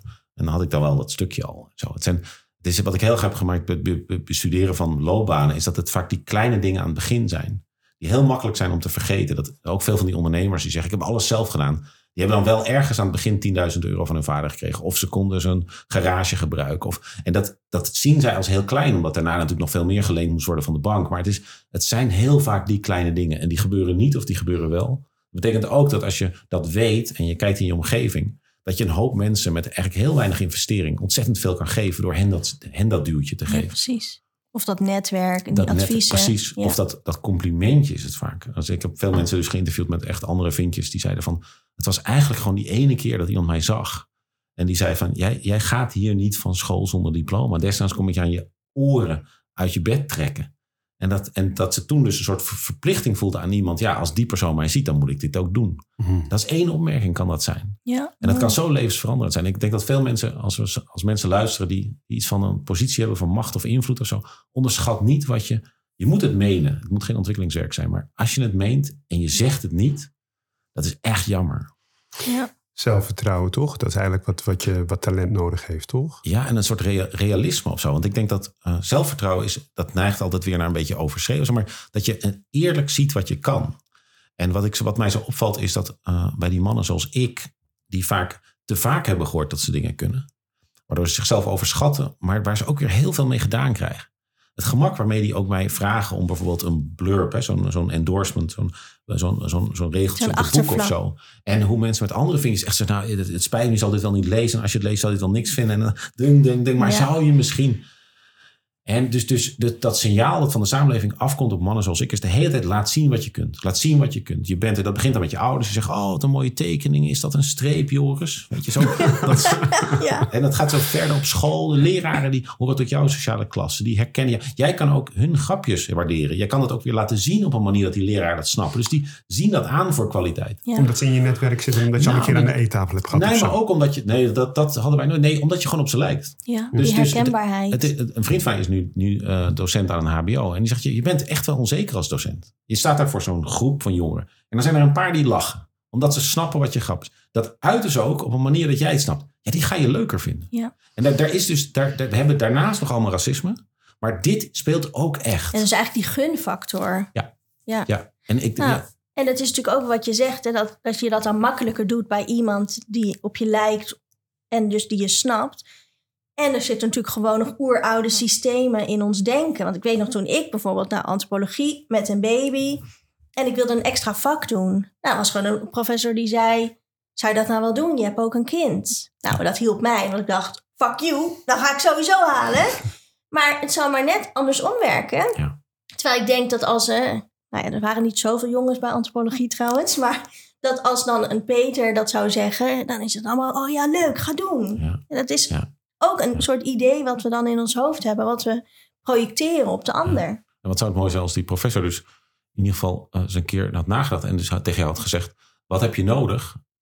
Want ik zie dat je een kind hebt. Ja, Wat precies dezelfde vraag is. Want dat, daar zit ook een zou je dat nou wel doen in, maar dan mag je het zelf bedenken. En ik denk dat, he- dat, dat wat mijn soort mannen echt moeten gaan leren, maar sowieso mensen met veel vinkjes, is dus dat heel veel van onze goede bedoelingen ook gewoon er zo kloten uitkomen dat ze in feite ondermijnend uitwerken. En dat zijn vaak van die dingen, weet je, dat je niet vraagt waar kom je echt vandaan, maar ben je hier opgegroeid bijvoorbeeld. Dat is al zo'n ander soort vraag. Van kom je hier uit de regio? Ik, ik moet toch wel eens taxis nemen als ik een praatje ga houden of zo. En dat is zo'n verschil. Als je gewoon zegt, hey, ben jij een, een echte steenwijker? En uiteindelijk, die, dat is grappig is dat als het dan iemand is met migratieachtergrond, die gaat spontaan op een gegeven moment zelf vertellen van ja, ik ben hier opgegroeid, mijn ouders zijn hier komen. en zo. Als je had, ze hebben gezegd, waar kom je echt vandaan? Dan is het, godverdomme, daar heb je er weer een. ja. En het is dus ook heel vaak, je lost zeker niet alles op met, met goede formuleringen, maar goede formuleringen zijn wel echt nuttig, ja.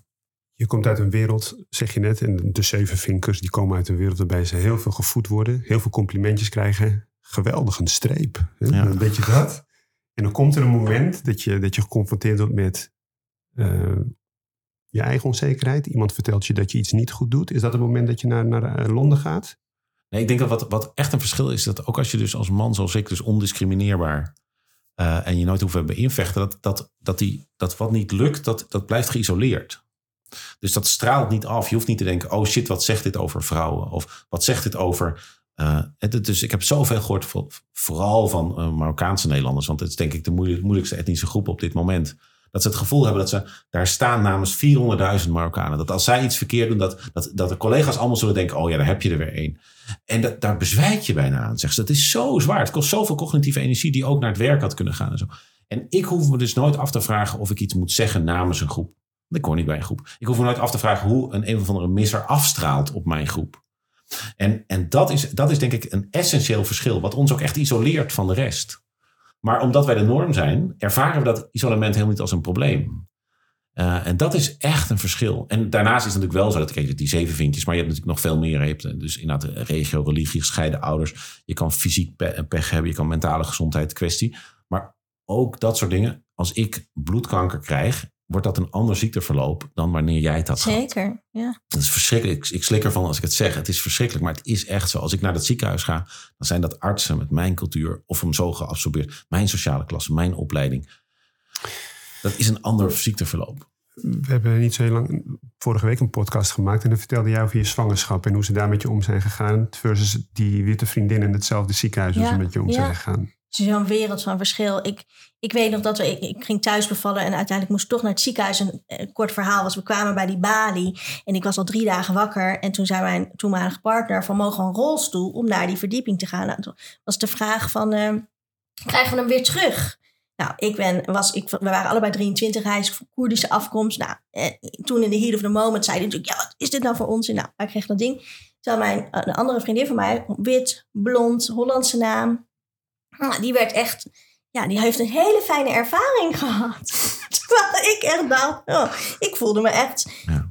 Ze hebben me niks uitgelegd. Ik ging ook bijna dood. Nou, tot op de dag van vandaag weet ik nog steeds niet wat er mis is gegaan. Het zal vast ook met schadeclaims te maken hebben. Maar gewoon de, de benadering was echt twee verschillende werelden.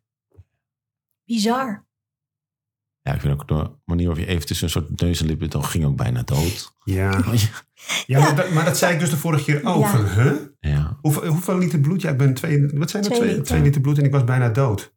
Oké. Dit, want, oké. Maar herken je ook dat als jij uiting zou geven aan de, de verontwaardiging die hieronder moet zitten, dat je hebt gemerkt dat dat gewoon je eigenlijk zoveel kost, dat je een soort versie van dit verhaal hebt ontwikkeld? Ja, tuurlijk. Kijk, je wil ook niet anderen belasten met eh, de shitshow. Dus ik kan gewoon heel goed daar met afstand. Het is ook al, mijn zoon is al bijna 16, hè, dus dat is ook best wel lang geleden. En nu merk ik bijvoorbeeld in mijn rol als dagelijks bestuurder, kan ik natuurlijk wel al die frustraties die ik zelf heb meegemaakt, maken mijn bewoners ook mee. En nou, heel lang hebben daar gewoon alleen mannen gezeten in het dagelijks besturen van Nieuw-West. Nou, dus mensen zijn sowieso al heel blij dat er een vrouw zit. Nou, ook nog een vrouw van kleur. Dus ik probeer dat juist om te zetten in, nou, daarmee kan ik verbinding maken. En ik kan er nu iets, ik kan het uiten in andere manieren van impact. Ja. En dan kan ik het ook makkelijker vertellen zonder dat het mij nog raakt. Want ik heb een missie. En daar heb ik het in geframed. En ik denk wel, als je dit helemaal zou, nou, al die ervaringen zou loshalen, ja, dan, ik denk niet dat je dat aan kan als mens. Dus dat Ja, ga je dan ook maar niet doen, hè? ja, ja. Maar je vertelde, dus eigenlijk doordat je de hele tijd hoort hoe goed je het hebt, en dan kan je eigenlijk ook alles wat niet goed gaat, een soort van beetje buiten jezelf leggen. Maar toch kwam je uiteindelijk met het schrijven van de zeven vinkjes, omdat je waarschijnlijk in Londen er een soort van ik heb er voelde voor het, voor het boek voor gekozen om die ervaring centraal te nemen. Omdat ik dus toen ik alle research had gedaan, dacht van oké, dus voor wie is het nou uiteindelijk? Uiteindelijk is het voor mannen zoals ik zelf. Eh, de rest mag meekijken als het ware. Zo van, zo denkt de- denken de mensen boven jullie. Ehm, en hoe, hoe, hoe raak ik die mannen zoals ik zelf? En dan moet ik met een ervaring komen waar zij misschien iets van herkennen. En de, de dichtstbijzijnde mogelijkheid is dan dat ze een paar jaar voor een bedrijf in het buitenland hebben gewerkt. Wat best wel vaak het geval is. Wat ik ook nu in, in responses vaak terugkrijg. Van ja, ik heb ook drie jaar voor Philips in Duitsland. Of drie maanden een cursus in Engeland. Ik was de enige niet-Brit en zo. Dus ik dacht, als ik daar nou begin. Bovendien, als ik dat, eh, die ervaring in, bij de Guardian centraal staat. Dan kan ik ook meteen laten merken. Het is niet alleen lichaam. Ik vind het heel, heel zorgelijk hoe we op dit moment eh, bicultureel verwijst naar huidskleur.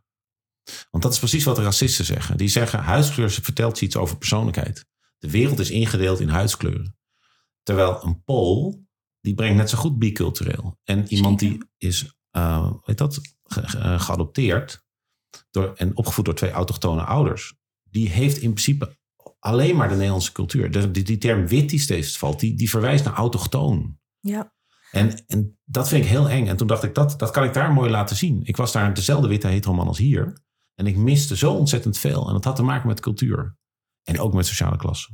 Maar, Dus je hebt er eigenlijk voor gekozen om dat stuk te pakken, zodat je Ja. nou ja, die witte mannen die dit boek eigenlijk allemaal moeten lezen, Ja. dat ze ook herkenning hebben en doorlezen Kunnen, na de eerste Ja. pagina's.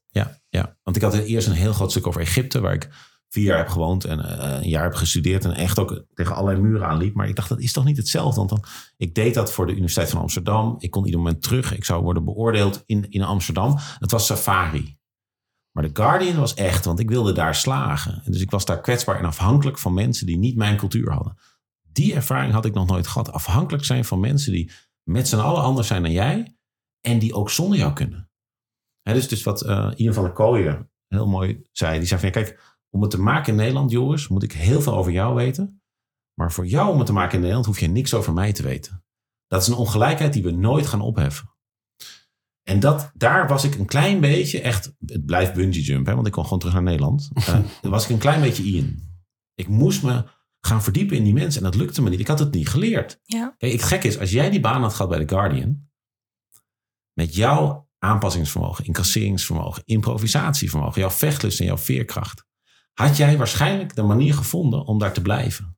Omdat we dat natuurlijk van jongs af aan hebben aangeleerd. Adaptatievermogen, ja, Ja. natuurlijk. Dat is wat we constant doen. Een chameleon zijn. Ik, Ja, ik- dubbel bewustzijn. ja dat, dat is heel vermoeiend, maar je maakt het je ook zo eigen. En ik, ik betrap me er zelf soms op en dan kan ik ook echt boos worden. Dat ik denk, "Ah, ik wil gewoon lekker mezelf zijn. Ja, nonsens. Dat, ik, ik geloof dat je sowieso niet altijd maar jezelf moet willen zijn. Is ook nog zoiets als sociaal wenselijk gedrag binnen een groep. Ja. Eh, maar, nou ja, ik, ik, simpel voorbeeld. eh, dat je jezelf dus beter voor gaat doen. Omdat je bang bent dat je iemand anders, iemand anders, anders eh, voor, de, voor zijn voor zijn kop stoot. Of dat je op straat loopt. Kun je dat concreet maken? Ja, dat je bijvoorbeeld op straat loopt en dat je dan... eh, ik baal er enorm van als ik iemand zie oversteken. Ja, ja. Dat is naar. Dat is naar. En dan, vooral als je dan even later, als je voorbij de ziet oversteken. Oh mijn god. Ja. Maar ook dat ik bij mezelf merk dat ik dan misschien overdreven sympathiek ga doen. En een vrolijke uitstraling opzet. eh, Een lach of iets. Om niet de indruk te wekken, dit is gevaar. It's okay. Ik, ik, I'm, I'm one of you guys. It's okay. Ik, ik. Ja. En dan baal ik aan de ene kant van mezelf. Ik weet ook dat het zo werkt in zijn algemeen. Want dat kun je ook doen. Als ik in Suriname ben, zou ik het ook kunnen doen. En ik zie iemand die misschien kwetsbaar overkomt. Dan wil ik vooral laten zien, hé, hey, eh, ik ben geen bedreiging. Maar hier in Nederland, dan, dan, nou, dan kan ik echt van mezelf balen dat ik daaraan toegeef. Hm. Ah, die frustratie. Micha Wertheim heeft daar een fantastische sketch over. Als hij dan zegt van ja, dan, eh, hij is Joods zijn of half Joods en dan zit hij in een restaurant en dan denkt hij oké, ze, oké, ze hebben nu door dat ik Joods ben. Ehm, damn, eh, het stereotype is dat ik schierig ben. Dus ik ga een enorme fooi afgeven. Oh nee, shit, het stereotype is ook dat wij steenrijk zijn. Dus, dus ik verlies altijd. Ja, maar- dat is. eh, Nou, maar, maar dat is het Ja. gevolg inderdaad. En, en je kunt het dus niet perfect doen, eh, maar we zijn wel heel creatief en heel assertief. Nou ja, creatief en, en, en heel goed in aanpassen inderdaad.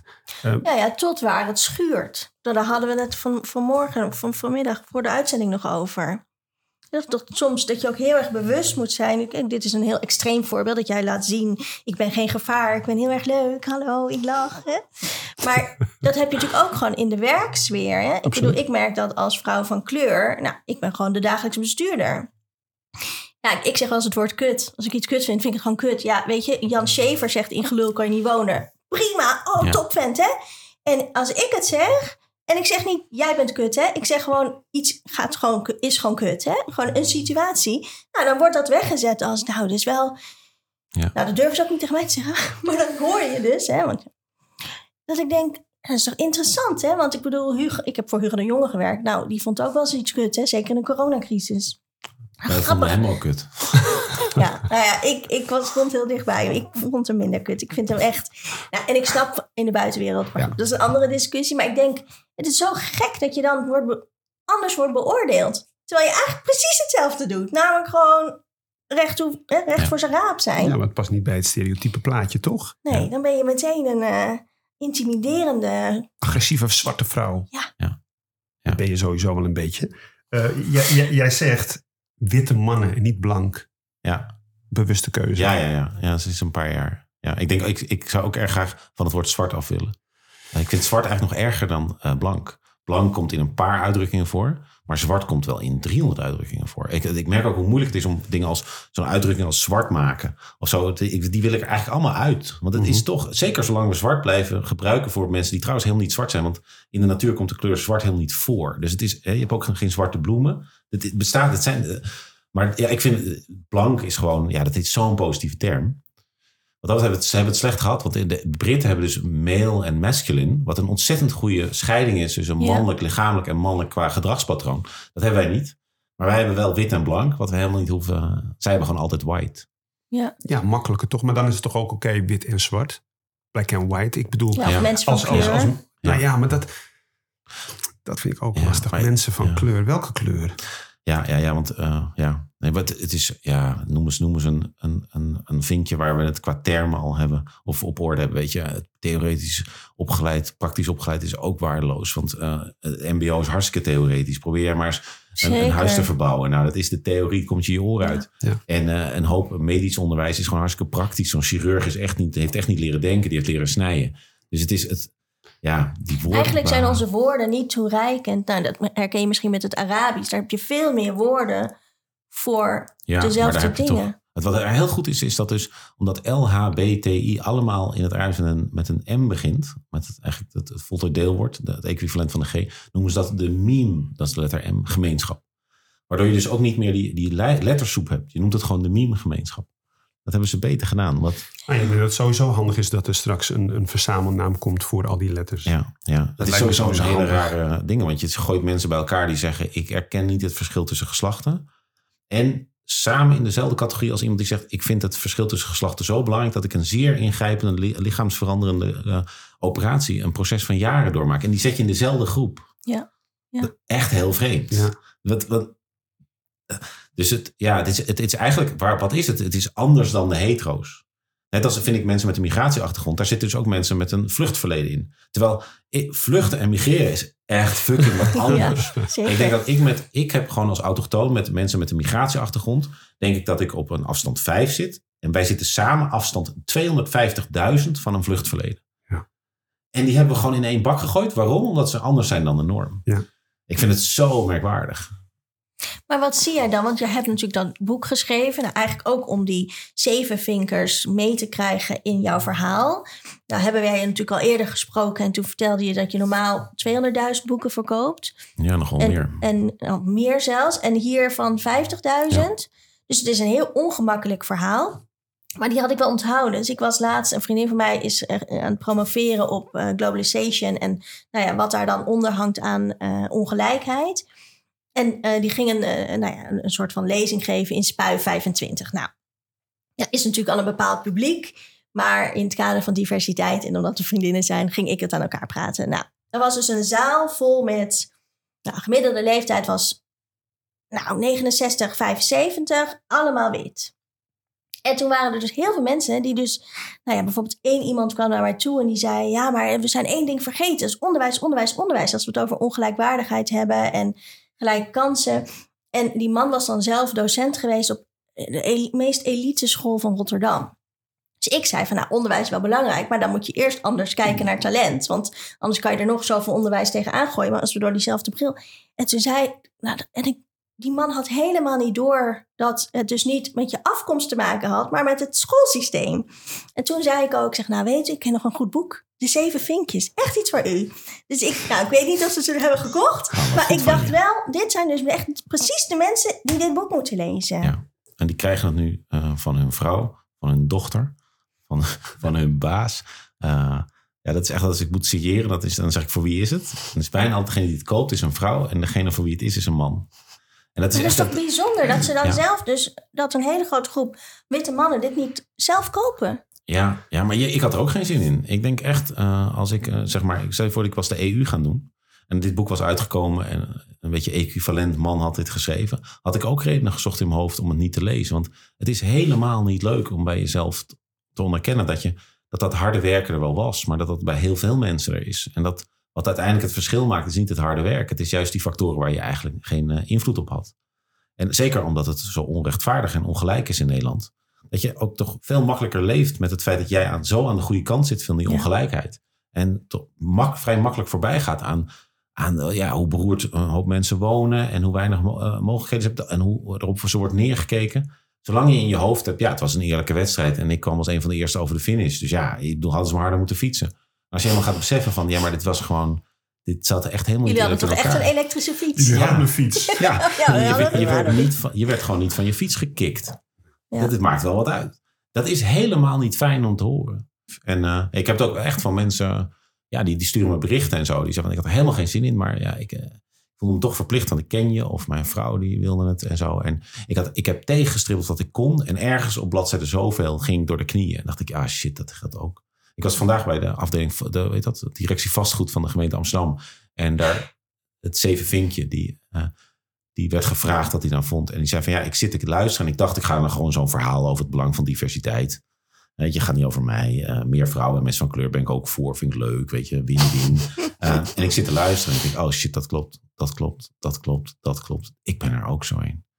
En hij, zegt, ik, ik, ja, ik ben er echt uit, uit mijn doen van. Omdat ik, ik heb mezelf nooit in, die, in dat licht gezien. Ik heb altijd gedacht van, ik kies mijn eigen weg. En ik besef opeens, ik heb precies gedaan wat mijn ouders verwachten. Ik heb precies gedaan wat mijn sociale klasse verwachten.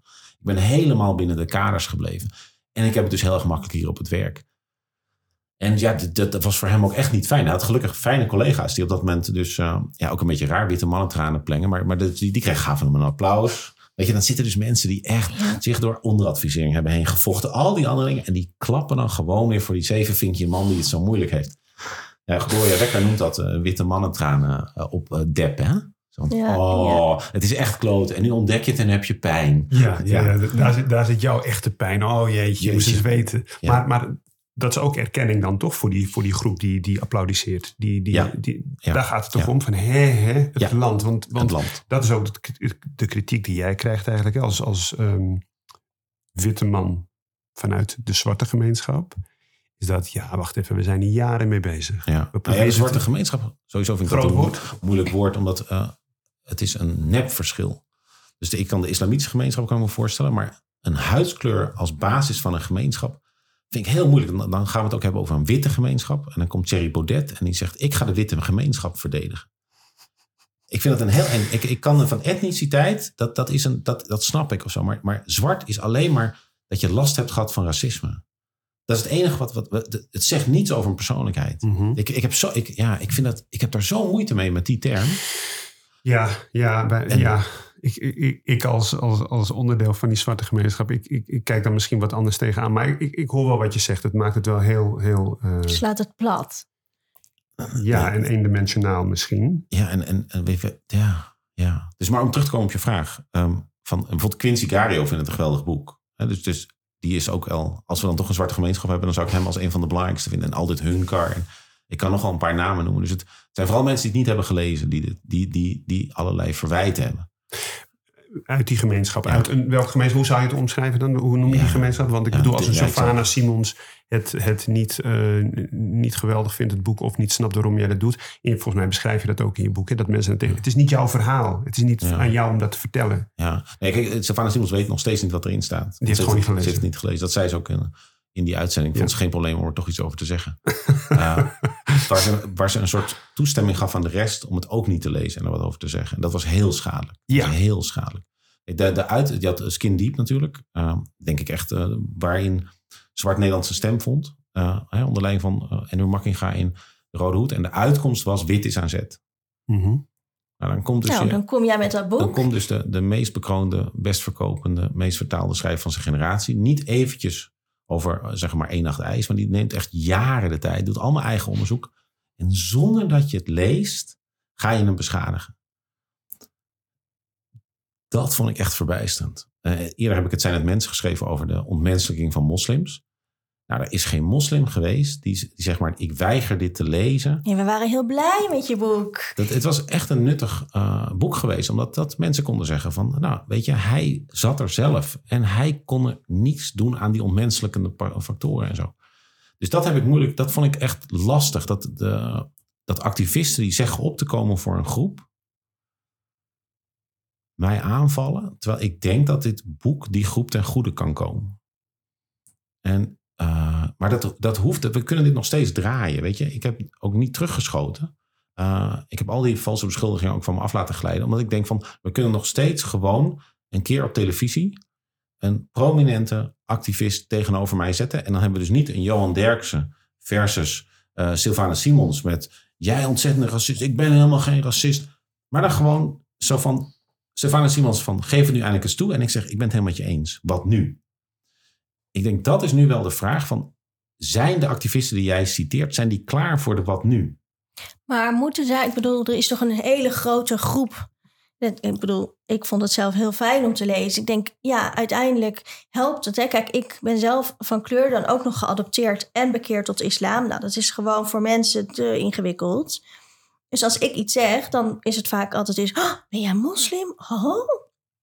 Het is natuurlijk veel beter dat jij gewoon als witte man dat gewoon zegt van dit zijn mijn ervaringen. Want als ik het zeg, dan is het meteen weer, of jij, dan zijn we slachtoffergedrag. Of en wij moeten eerst langs een barrière van obstakels, ja. tot we gewoon tot de kern komen van, hé hey, luister, we zeggen niet dat jij slecht bent. We zeggen alleen, wees je gewoon even bewust van alle positieve vibes die jij al tot aan waar jij bent gekomen hebt gehad. Ja. Ik vind het juist een heel fijn. Nee, ik persoonlijk ook. Ik vind het ook heel goed inderdaad. Maar, maar ja, goed, je, een, een zwarte man die het vertelt is inderdaad een slachtoffer. Uh, jij kent ook, nou je weet misschien ook hoe je witte mensen moet raken met je verhaal. De toon die je gebruikt, uh, de woorden die je gebruikt. Uh, dat speelt ook mee.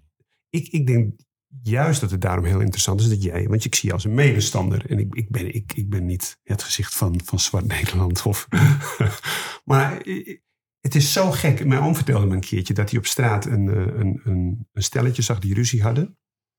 En um, die vrouw die werd echt gewoon in elkaar geronseld door, uh, door haar man. Uh, mijn oom is een potige kerel, dus die, die grijpt die man en die zegt... hé, hey, normaal doen, dit, dit, dit flik je niet, niet waar ik bij ben. En dat die vrouw hem dus aanviel. Ja. Blijf van mijn man af. Dat denk je wel niet. En dat gevoel heb ik hier zo erg. dat, je, dat, je- dat je je nek uitsteekt voor een groep. Van hé, hey, kom op, maar niet, dit gaan we niet accepteren, dit doen we niet. En dat diezelfde groep dan, welke groep dan, hoe je die dan ook noemt, zich een soort van tegen je keert. Van eh, dit is niet van jou, afblijven. Dat- Ik, Maar- ik snap ja. dat niet. Maar het is ook zo dat voor iedere activist die dit soort verwijten eh, uit, kan ik echt twintig mensen eh, uit mijn messages van LinkedIn omhoog halen van kleur. Die allemaal zeggen, wat een geweldig boek. Het is veel meer geweest dat de zes en zeven vinkjes in de media wilden echt niet aan dit boek. Weet je, die, die, zij willen zich nog best wel een beetje schuldig voelen over hun privileges. Kunnen ze ook weer denken dat ze superieur zijn aan degene die zich niet genoeg schuldig voelen. Maar als je gaat zeggen, kijk, het probleem, zes, zeven vinkjes, is niet zozeer jullie privileges. Het is jullie gebrek aan levenservaring. Dat maakt jullie eigenlijk ongeschikt. Nou, dat is iets waar die zes en zeven vinkjes niet aan willen. Wat hebben die gedaan? Die hebben gekeken wie hebben er verwijten en kritiek op Joris. Dan gaan we die de hele tijd citeren. Dus als dan Shervin Nekwe, die echt al twintig jaar meedraait op het hoogste niveau van diversiteit, schrijft zo'n verhaal over zegt, dit is het boek, die negeren. Die zetten we niet op de opiniepagina, niks. Maar zo gauw er iemand komt die zegt, Joris is een zak. Oh, alsjeblieft, zullen we Ja. dat nog eventjes... eh, En het liefst als het iemand van kleur is. Hoe mooi is dat? Want nu wordt, het, wordt, die, wordt die zwarte man of vrouw wordt gebruikt als wapen nou ja, tegen jouw verhaal. Wat zo erg is, is dus... dat zeg maar- Sorry?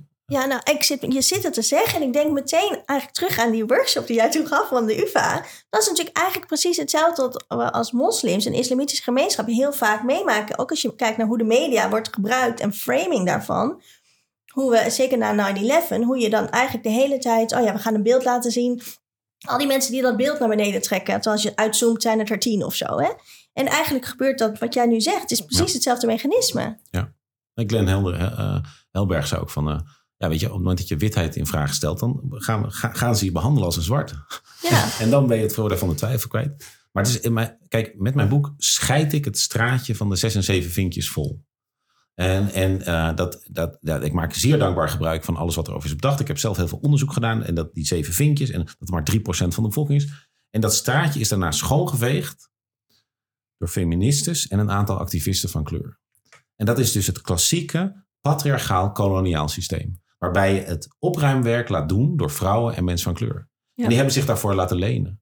En, maar nog, ik blijf zeggen, het kan draaien. Weet je, ik kan, ik kan morgen met Sarah Noorhussen dat gesprek hebben als ze dat een keer wil. Met Sylvana Simons als ze dat een keer wil. Nou ja, ik denk ook... De weerstand zit misschien- aan die kant. heb je, Misschien heb je het ooit geprobeerd? Ja, het ja, het op allerlei manieren. Is er zijn er, ook met Gloria Wekker en zo, maar er komt geen enkele reactie vooralsnog. Nee. Maar zij hebben ook veel andere dingen te doen. En misschien, weet je, het, het is ook aan hen. Maar we hebben het boek opgestuurd via journalisten, ver- verzoenen gedaan, debatcentra en zo. Maar tot nu toe niet eens een antwoord. Eh, maar dat kan natuurlijk veranderen.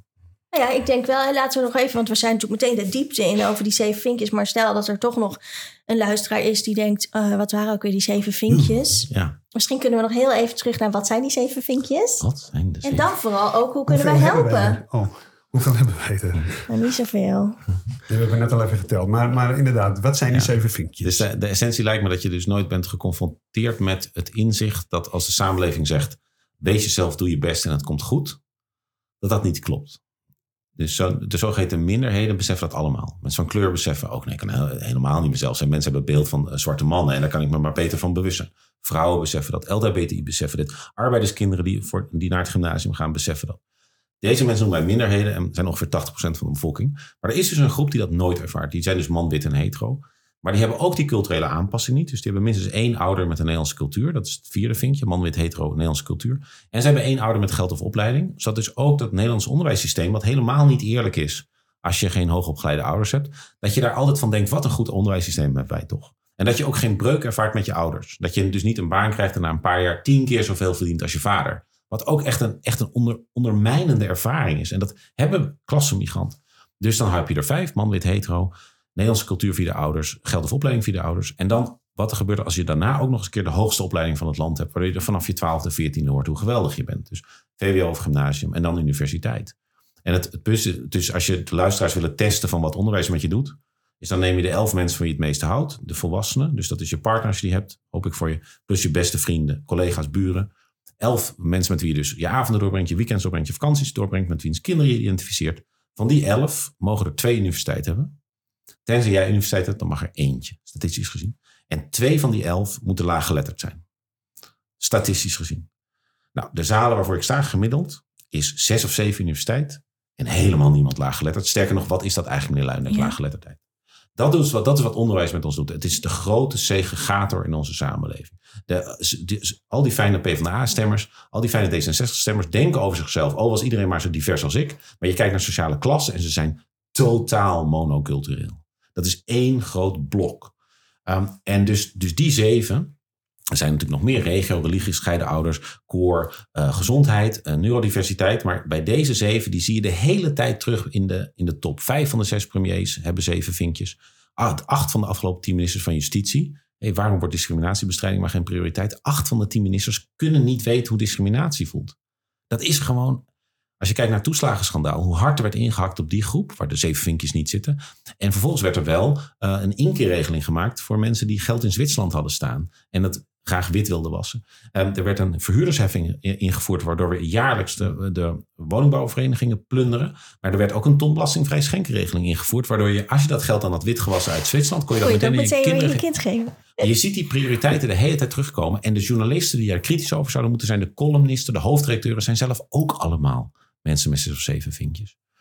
Nou, als je dan weet dat ze dus maar met 3% zijn, die zeven vinkjes, dan zie je van dit is bizar. En het is, Olaf Scholz is een Duits zevenvinkje, Macron is een Frans zevenvinkje, David Cameron was een Brits zevenvinkje, Alexander de Croo in België is een Belgisch zevenvinkje. Het is, we hebben de hele Belgische politiek doorgenomen met een vriend van het ook daar. Het is logisch, want het is een soort lift. En als je niet wordt uitgesloten, blijf je in de lift. Ja. Dus op het einde zijn er vooral zeven vinkjes over. En dan gaat het dus inderdaad tussen Wop En dan kijken we lekker naar elkaar en zeggen, wat doen we het allemaal goed, joh? Hé, Joh, lekker bezig.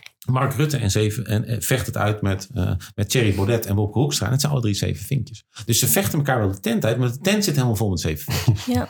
En daarom dacht ik ook van dit, dit boek is belangrijk, hoop ik, denk ik, omdat we dus 43% van de bevolking is witte man. 43% van de bevolking. Maar maar 3% heeft zeven vinkjes. Dus die andere 40, die is homo of jood of is migrant eh, of is klassemigrant of had eh laaggeletterde ouders, is zelf laaggeletterd. Dat is een enorm blok. En wat we nu doen is dat we dat blok eigenlijk in het vakje stoppen van Diederik, Eberhard, Wouter en, ehm, en, en Lodewijk. En dat is zo'n tactische fout volgens mij. Want, want die laaggeletterde witte man, die wordt net zo hard genaaid. Die zit ook bij de toeslagenschandaal. Ja. Die zit ook op een wachtlijst voor een sociale huurwoning. Dienstkinderen worden ook ondergeadviseerd. En wat doen we? We zeggen tegen die witte man: Oh, witte man, ga jij maar eens in de hoek een beetje beseffen hoe geprivilegeerd je bent. Ja, en dan zijn we verbaasd dat die man op de PVV gaat stemmen. Of, Of voor voor Forum. Forum. Ja. En- nou ja, ik vind het wel interessant wat je nu zegt. Want dit is eigenlijk ook in dat PhD-onderzoek van die vriendin van mij... Ging het, liet ze ook zien, hè, die hele globalisering. Dat kwam natuurlijk met de industrialisatie. Ja, dan zie je dat eigenlijk hè, India, China, de landen waarvan we denken... Oh, hè, daar is eigenlijk het gemiddelde, even los van waar dat, dat geldt aan land... Hè, maar het, het bruto gemiddelde is omhoog gegaan. Terwijl bij ons is het bruto gemiddelde ver omlaag gegaan. Want eigenlijk al die arbeiders die worden ook niet meer gezien, maar die zitten wel in datzelfde vakje van, oh ja, je bent een witte man, dus Ja. je mag niet meer op een lijst staan of je mag dit niet meer en je moet je mond houden. En dan krijg je eigenlijk, nou ja, die interne strijd tussen groepen die eigenlijk met elkaar zich moeten verenigen om die 3% aan te pakken. Ja, en pak dan ook die zes vinkje, 3% zes vinkje Vrouwen. erbij. Zeker, ja. Die, die wel ontzettend vaak de kant kiezen van eh, de zeven vinkje vinkjes mannen. En mannen. daar onvoorstelbaar vaak mee getrouwd zijn. Uh, en thuis ook weer twee zes, zes- zeven vinkjes aan het opvoeden zijn. Het is echt de vraag voor al die mensen met veel vinkjes, maar niet alle zeven. Van uh, waar kies je voor? Weet je, kies je voor die norm? Ga je daarin mee? Ga je ook zeggen, het valt toch wel mee? En kijk eens, als ik het kan redden, kan, ik het, kan een ander het ook? En zo, al dat soort kopjes geven aan het patriarchaat. Of zeg je van, ja, het is inderdaad ik, ik, ik, uh, intersectionele solidariteit. Het is anders dat ik als arbeiderszoon ABN heb leren praten. Omdat ik besef dat ik gewoon niet serieus word genomen als ik me gedraag zoals mijn ouders. Dat is anders dan een moslim met een hoofddoek. Maar er zit een overlap. Zeker. En ik richt ik me nou op die overlap? Of ga ik tegenover elkaar staan? En dat idee van die vinkjes is dus ook dat als je dus zegt... ik als Afghaanse hetero vrouw en ik als Poolse homo... dan sta je dus helemaal tegenover elkaar. Hetero, homo, blank, uh, wit, wit, zwart, uh, man, vrouw. Maar als je zegt ik als twee vinkjes... markeer je je afstand tot die norm. Ja. En hoef je er zelf ook niet te markeren... aan de hand van die zogeheten minderheidskenmerken. Terwijl op het moment dat je al moet gaan zeggen... ik als zwarte vrouw of zo... worden al allerlei dingen geactiveerd. En word je eigenlijk, moet jij jezelf in dat hokje plaatsen om gehoord te worden. Nu zeg je gewoon van... ja, ik hoor niet bij die norm en ik sta er zo ver vanaf. En dan kan je dus volgens mij... dat zie ik Het in is die veel zalen. krachtiger als je dat met z'n allen doet. Je ziet in die zalen dat mensen dus opeens naar elkaar kijken en denken... Eigenlijk horen we bij elkaar. Je bent een zwarte vrouw en ik ben, een, ik, en ik ben, ik ben Gerrit. Damn, damn. Dit is inderdaad. Wat, wat is hier eigenlijk gaande? Waarom doen we Ja. dit? En ik, had- gisteren was er, dat was dus een vrouw die is half Antilliaans en half Aziatisch. Die daar dus een soort outing had. Dat ze zei van, ik heb altijd verborgen dat ik Antilliaans ben. Omdat ik me daar dus voor schaamde. Ik versta het en doe alsof ik het niet versta. En Aziatisch is toch een half vinkje. Want mensen denken, ja, eh, Harde werkers. harde werkers, gedisciplineerde ouders. En ze zegt, ik voel me zo verrader. En dat zie je dus ook weer dat mensen dus, eh, dat vaak als mensen mishandeld worden, geven ze zichzelf de schuld om een illusie van controle te houden. Kinderen die worden geslagen, ja, maar ik maak ook veel lawaai. Papa heeft ook hard gewerkt. Nee, papa moet zijn poten thuis houden. En dat is hierbij ook dat ze dus meteen weer dat zichzelf de schuld geven. Terwijl ik alleen maar denk, en je hebt het desondanks volgehouden. Het was zo vijandig dat je dat moest ontkennen en je bent toch zo ver gekomen. Bloody hell. Wat enorm goed. Maar hoe kunnen wij nou, hè, want wij, wij zijn best wel fan van eh, dit verhaal, toch? Spreek ik namens ons allebei? Ja, absoluut. Ja, absoluut. kon er, ja, je bent er een hele nacht van wakker geworden steeds weer. Hè? Hoe kunnen wij nou helpen? Want ja, ik vind dit verhaal juist wat je tegen die zeven vinkers en zes vinkers kwijt wil, zodat ze ook gaan nadenken. En dat ook weer door gaan geven. Maar hoe kunnen we je dan helpen? Want ik vond het wel shocking dat dan een heleboel. Ik snap het wel, het is ongemakkelijk en dat ze het dan niet willen lezen. Maar waar kunnen wij dan. Maar, maar wacht even, wij, wij zijn toch niet het probleem? We hebben er last van. Maar het probleem is toch de witte man Ja, maar ik en- heb toch net gehoord, we gaan toch. We moeten met, als, als minder vinkers met dan iemand met veel vinkers samen bonden. om dat systeem te cracken. Toch? Oh, ik, heb, ik, ik, ik las het op, ik hoorde, hoorde, nee, alle mindere vinken moeten zich verenigen. Ja, maar Joris heeft nu sowieso is die vinken kwijtgeraakt. door het schrijven van dit boek. Nee, je heeft alle vinken nog, toch? Nee, van, ik denk dat. En nog steeds Nou, dat is bakken met misschien een goede geld. vraag. Zeven vinkers, die kijken, hoe kijken die nu nog naar? Zien zij jou nog als een zevenvinker? Nou ja, maar dat het- is hij toch? Dat is hij, dat is hij niet door dat bepalen zijn. niet. Volgens mij ben je nog steeds een zevenvinker, toch? Je ouders zijn niet veranderd. Dat klopt, maar het is wel zo dat het voordeel van de twijfel dat ik automatisch krijg. En als ik dus een boek schrijf over de banken, dan is de vraag in de media: Joris, wat heb je ontdekt? En nu is de vraag: Joris, hoe durf je iets te zeggen? En dat is ook, Sinan Sankaya die zegt ook, ja, maar Joris, dat is standaard wat wij krijgen hoor. Als, Ja. als Sinan Sankaya onderzoek doet naar racisme bij de politie, dan mag je niet vertellen wat hij heeft ontdekt aan racisme bij de politie. Dan krijg je, niet- ben je wel, kan je wel objectief zijn. Kun jij je voorstellen dat mensen jou niet objectief vinden? Ja. Dus, dus hij zegt, eh, het is goed voor je om eens te zien hoe het is. Eh, wat ook zo is. Eh, maar ik denk gewoon dat, dat dit boek een beetje werk kan doen. Eh, want het gaat uiteindelijk niet om dit boek, weet je. Het, gaat ook niet om mij, weet je. Ik, ik, mijn, ja, dat zoals je zegt, mijn, mijn, voor mij blijft dit een onderwerp. Dat is zo onrechtvaardig. Weet je, het, het is gewoon een, een, ja, ik kan weer iets anders gaan doen. Racisten zijn niet in mij geïnteresseerd, homofoben niet, transfoben niet, antisemieten niet, islamofoben niet. Niemand is, en ik heb geen eh, probleem met cultuur en sociale klasse. Dat is zo erg. Mannen, zeven vinkjes, introduceren vaak mij dan, voordat ze weglopen, eh, zeggen van, ja, dat is echt een belangrijk thema. En dan weet Dan je gewoon, ja, samen met digitalisering en duurzaamheid, zijn dat die drie D's een thema. Je zou nooit zeggen, rechtvaardigheid is een thema. Maar we hebben er diversiteit van gemaakt, wat het een beetje Ja, fluffy maakt. ja. Dus volgens mij zou meer, ik vind het super lief dat je zegt van hoe kunnen we je helpen, maar volgens mij zou ik meer zeggen van, van hoe, hoe kunnen we allemaal Nederland om, zo nou ja, veranderen dat, dat iedereen kan floreren zoals zeven vinkjes onbewust altijd al hebben gefloreerd. Maar En- daarvoor heb je toch wel nodig dat die zeven vinkers eh, Ja. toch opzij gaan. Want anders, eh, die blijven Ja. ook de hele tijd die Ja. 3% aannemen. Waardoor je... Ja, en het moeilijke met dat opzij gaan is dus dat, dat van de ene kant is dus dat wat nodig is. Er zitten gewoon veel te veel op die plekken. Van de andere kant, als je tactisch kijkt, wat gebeurt er als je tegen iemand zegt: Ik wil jou van iets overtuigen. En als je het snapt, moet je ontslag nemen. Wat gaat die persoon doen? Heel veel, maar niet luisteren. Ja. Dus het weet je, als je zegt: ehm, We hebben een klimaatcatastrofe. ehm, en die ga ik je nu uitleggen. En als je het helemaal snapt, mag je nooit meer iets kopen. Weet je, Ja, dus, dus je, eindigt dus met een organisatie met alleen maar VVD'ers en Forum en Ja21 types. Want die, die, die stappen niet op. Die zeggen wat een gelul. Maar we zitten nu in een... In een we zitten met inflatie. We hebben... Het raakt ook echt de middenklasse. Ik, ik heb zelf een boek geschreven over geldstress. Omdat ik dus zelf die schuld heb gehad. En je vaak bij armoede gesprekken hebt. Hè, dan wordt er altijd gekeken naar mensen met een minima-inkomen. Dus dan is het ook een beetje je eigen schuld. Want ja, ja, je hebt niet hard genoeg gewerkt. Hè?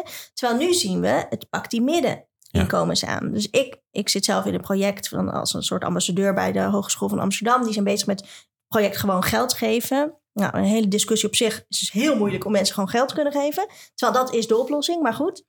En dan, toen zei ik ook, zeg, jullie, natuurlijk ga je het geld geven aan mensen met een lager inkomen. Maar je moet juist die middeninkomens nu gaan gebruiken. Want daarmee kunnen de mensen met echt veel geld zich makkelijker toe relaten. Want dan is het, oh ja, maar dat is gewoon een ondernemer, dat zijn twee verdieners. Oh ja, we zeggen altijd dat ze hard moeten werken. Ja, dat doen deze mensen. En toch komen ze niet rond. Terwijl als ik het gesprek aanga met, ja, iemand zit in een uitkering of heeft lichamelijk iets waardoor die eh, een, een via heeft ja, dan voelt dat toch, dan is die gap zo groot dat je die mensen helemaal niet meekrijgt. Dus zitten we nu dan niet in een soort unicum? We hebben middeninkomens worden geraakt, we zitten allemaal personeelstekorten, iedereen. En we hebben het wel over talent, maar we kijken allemaal nog steeds naar dat talent op een eenzijdige manier. Dus ik voel toch ook wel dat we nu in een soort, we zitten in een momentum waar het zou kunnen gebeuren. Toch? Moeten we niet doorpakken nu? Kijk je naar mij? Nou ja, naar jullie allebei. Nou ja, maar Ja. Ik, ik denk inderdaad dat je zegt dat het klopt. We- Je mag het misschien niet zeggen, maar ik ben blij dat de middenklasse geraakt wordt. Want, want nu raak je wit werkend Nederland. Autochtoon werkend. Nou ja, goed. Ja, corrigeer me, dank je. Eh, eh, en en dan, dan is er ruimte voor verandering. Dan in de ene, oh wacht even, nu raakt het, nu raakt het ons. Ja, met de wooncrisis zag je dat Ja. heel goed. Zo die, die, inderdaad, die wachtlijsten die al heel lang elders zijn. Er is niet voldoende plek voor al die geweldige zevenvinkers. Want ook zevenvinkers zijn niet allemaal succesvol. En ze zijn ook niet allemaal goed. Want Nee. jij zit dus hier een vijvertje hebt met 15% van de bevolking. En hier eentje van 85% van de bevolking. En je gaat gewoon vissen. En op een gegeven moment zijn er alleen maar hele kleine visjes over. Dus ik ken ook zoveel middelmatige zevenvinkjes in de media bijvoorbeeld. Dat ik echt, ik kijk ze aan en ik denk... Oh, je mag de, de veters nog niet vastmaken. Van sommige mensen die ik ken met hele andere vinkjes. Wat doet ja. dat met iemand? Wat doet het als je, Ja, als je nu is- alles hebt Ja, om het te maken? Ja. Je bent, daar ben ik dus heel bang voor. Ik ben, waar ik dus echt bang voor ben, is, is dus een backlash van mensen die beseffen dat eh, diversiteit niet is dat er hier en daar wat bij komt, maar dat er bij hen heel veel afgaat. En wat gaan die mensen doen? En, en als je, het helpt om het heel concreet te maken. Dus mijn, eh, de regisseur van mijn bankenfilm, er is een, een korte film gemaakt van 20 minuten, heel leuk, door een Franse regisseur die in Amsterdam woont. eh, en die zit met mij en die zegt, ja, ik wil een nieuwe film maken en ik heb financiering nodig. En hij is een, een witte heteroman. Hij is ook Joods, maar hij is een witte heteroman. En hij zegt, ja, als ik dus nu een, iets indien over een witte heteroman, dan is de reactie, daar hebben we wel genoeg films over. Dus hij zegt, nou, dan ga ik het over iets anders doen. Ik wil graag een film maken. Maar dan krijg ik horen, nee, dat, is- dat is eh toe-eigening. Je mag niet over zwarte vrouwen, je mag niet over Appropriation. appropriation. Hij zegt, ik ben 40. En wat in feite de situatie is, dat als het cultureel klimaat niet verandert, maak ik nooit meer een film. Omdat we dus niet alleen naar die vinkjes kijken, maar gewoon die hele groep. Omdat die inhaalslag nu nodig is. En je dus ook zegt van ja, we willen eigenlijk ook niet dat eh, dan witte mannen dan weer die verhalen gaan maken over. de- ah, hij is heel erg links. Hij, hij, hij volgt dit allemaal. Maar hij zegt ook, besef wel wat je doet. Met dus die mannen van, van 25, van 30, van 35, van 40. Als je echt die, al die macht hebben. En al die toegang tot invloed en zo. En dat je echt tegen hen zegt, voor jullie, kap maar met je leven. Of zo. Ga, maar, ga maar in een hutje zitten, want er is voor jullie geen plek meer. They're not going to take this lying down. Nee. En, en ik denk Forum en jij 21 en, en dat de, de oorlog tegen woke. Dat zijn allemaal al de eerste zeg maar, tekenen van hoe, hoe deze groep zich aan het organiseren is. En als dadelijk herstelbetalingen gaan komen en reparaties en duidelijk wordt hoe groot die rekening is. En dat we dus ook iedereen gaat daarvoor betalen. Ook mensen van kleur, want die profiteren ook van hoe het nu is. En dat we gaan zien dat dat gewoon feitelijk betekent dat je niet meer met vakantie gaat. Want dat geld gaat nu in de vorm van reparaties. Dan komt er een enorme stroom die zegt, wat een gelul allemaal. De wereld is gewoon een jungle. En, en dit voel ik dus al, het, zeg maar, Mhm. zeg maar onder. onder, onderhuids is dat zich aan het organiseren. Maar en wat, dat wat, zie- beangstigt mij ontzettend. en En wat denk, zie je dan? Wat Nou- denk je dan dat we wel kunnen doen? Want hiermee zeg je eigenlijk, ja, dat is ook heel eng. Dus als we ze allemaal elimineren, eh, liefkozend, dan krijgen we misschien dus dat. Want ja, wat, je kunt nog steeds doen? talentvol zijn en dan heb je de pech dat je Ja. zeven vinkjes Ja, of hebt. ambitieus, maar niet talentvol. Maar hoe, Ja. Ja, maar wat is dan ben- een... Nee, maar nog even, waar ben je dan bang voor? Ik ben Dat dus bang voor, eh, voor dus, eh, eh, racistisch nationalisme. Ja. Waarbij dus echt wordt gezegd van luister, weet je, het is gewoon, eh, dit is gewoon de witte gemeenschap. Ja. En wij zijn met 85% als witte. En je hebt het hier prima. En, eh, en anders zoek je, het zoek je het maar uit. Ja, gewoon lekker je bek houden en weggaan. Bek houden. En, eh, en, en wat met Baudet en zo, dat, dat, je ziet dat dat echt resoneert bij een heleboel mensen. En wat er in Amerika al gebeurt met terugdraaien van recht op abortus. En eh, nu het verbieden, op, verbieden van drag queens. En op alle affirmative action wordt nu Mhm. verboden door het Supreme Court. Dit is echt al gaande. En ik denk dat een van de cruciale dingen is dus om sociale klassen binnen het denken en doen over diversiteit te halen. Zodat je dus die, die Gerrits, dat je die laat Die- zien dat er iets voor hen te halen Ja, valt. die moet je eigenlijk erbij Want je betrekken. neemt die mannen nu hun trots op hun nationaliteit af. Een trots op hun geschiedenis af. Je vraagt ze allerlei offers te brengen voor een nationale zaak. Waarvan ze alleen maar voor de rest horen dat die nazi vreselijk was. En ik, het, het is volgens mij ontzettend moeilijk wanneer je dus, dus uit een situatie van onrechtvaardigheid komt. Om je dan weer te moeten gaan verdiepen in de motieven en de pijn van de machtige groep. Maar die machtige groep heet niet voor niks zo. En, en dit, dit baart me echt zorgen. Eh, en het grootste deel van de witte mannen in Nederland is niet hoog opgeleid. Nee, dus dat dan, kan je niet vaak genoeg zeggen. Het grootste deel van de witte mannen is niet hoog opgeleid. Die hebben echt niet het gevoel dat de wereld voor hen eh, een, een leuke plek is. Um, en, en dus hoe zorg je dat je die blijft isoleren van de griezels? En dat was altijd de sociaaldemocratie die daar een, een verbond toe vindt. De christendemocratie op hun manier deed dat ook. Maar dat hebben we allemaal eh, grotendeels ge- ontmanteld. En dat, ja, dus oh, eigenlijk die arbeiders, hè, die zitten nu bij de PVV en de Forum. Omdat ze natuurlijk zich gehoord voelen van ja, we mogen ook niks meer zeggen. Terwijl we eigenlijk willen dat we die groep erbij betrekken. Want het is eigenlijk, als we het hebben over wij en zij. Dan gaat het over de zeven vinkers, wat dus maar die 3% is. Nee, dat is- First. om het keihard te zeggen, de zeven vingers hebben de PvdA overgenomen. Dat is gewoon echt het probleem. Dat is Je, echt jij het weet dat je hier met twee PvdA's Ja, zit, ja. dat weet Ja. je. Nee, Ja, ja, maar nee, maar ik denk ook wel, hè? Nee, ja, sorry, drie. sorry, ja, maar nee, maar me nog. ik kijk, ik heb heel vaak, zeker van mijn, eh, van heel veel vrienden, ik zat natuurlijk in heel veel activistische bewegingen, zit je nog steeds bij de PvdA, heb je nog niet opgegeven, wat doe je er nog? Ja. Dat klopt allemaal. Alleen ik geloof wel dat je van binnenuit dingen moet veranderen. Ik ben het helemaal met je En- eens. En ik vind dat bij de PvdA eh, is de plek waar ik consequent de meest getalenteerde mensen tegenkom. Die ook het, meeste eh, doen aan eh, het, bewaken van talent. PvdA wordt relatief heel weinig getroffen door schandalen. Omdat jullie gewoon heel goed zijn in het begeleiden van mensen. Dus iemand wordt niet zomaar wethouder bij jullie in Amsterdam. En zoiets met, met Rijksman. Ik, dat gebeurt zou bij ons overkomt de PvdA niet. Jullie hebben gewoon zo'n goed training. Jullie investeren zoveel tijd ook in het, in het begeleiden van mensen. Mensen die het soms dan ook niet worden. Dat, dat je die luxe nog hebt Ja. en zo. Nou, dat was vroeger wel meer. Hè? Nu we natuurlijk niet meer zoveel zetels hebben, Ja, is dat ja, hele talentenprogramma ook ingestort hoor. Ja, wel verschrikkelijk is dat. Ja. En dus, dus, dus maar de, ik zag het weer bij die demonstratie laatst eh, van jullie op de Dam. En dan zijn er een aantal van die borden in het Engels. Dan wil ik echt mijn haar uit mijn kop trekken. Want één op de zes Nederlanders is laaggeletterd. En voor hen is het uitzoeken of dat bord in het Engels is of in het Nederlands is, is ontzettend veel moeite. Diversiteit in het Engels. Nee, mensen. Dat Ja. is inclusief. Je bent niet inclusief als je het in het Engels doet. Dus daar. Dus Maar, voor die 60.000 expats die, eh, die hier eh, werken. en die wel gaan stemmen. Ja. Ja, ja, ja, dus dat is oh, oh, oh, oh, oh. Maar daar, dit, de, de sleutel zijn die, dus de, de witte mannen, die 40% witte mannen die geen zeven vinkjes hebben. En Nou, hoe je- betrekken we die er dan bij? Ja, ik denk dus dit, dit, dit, dit, eh, via dat hen laten zien hoezeer zij ook gepakt worden. Ja.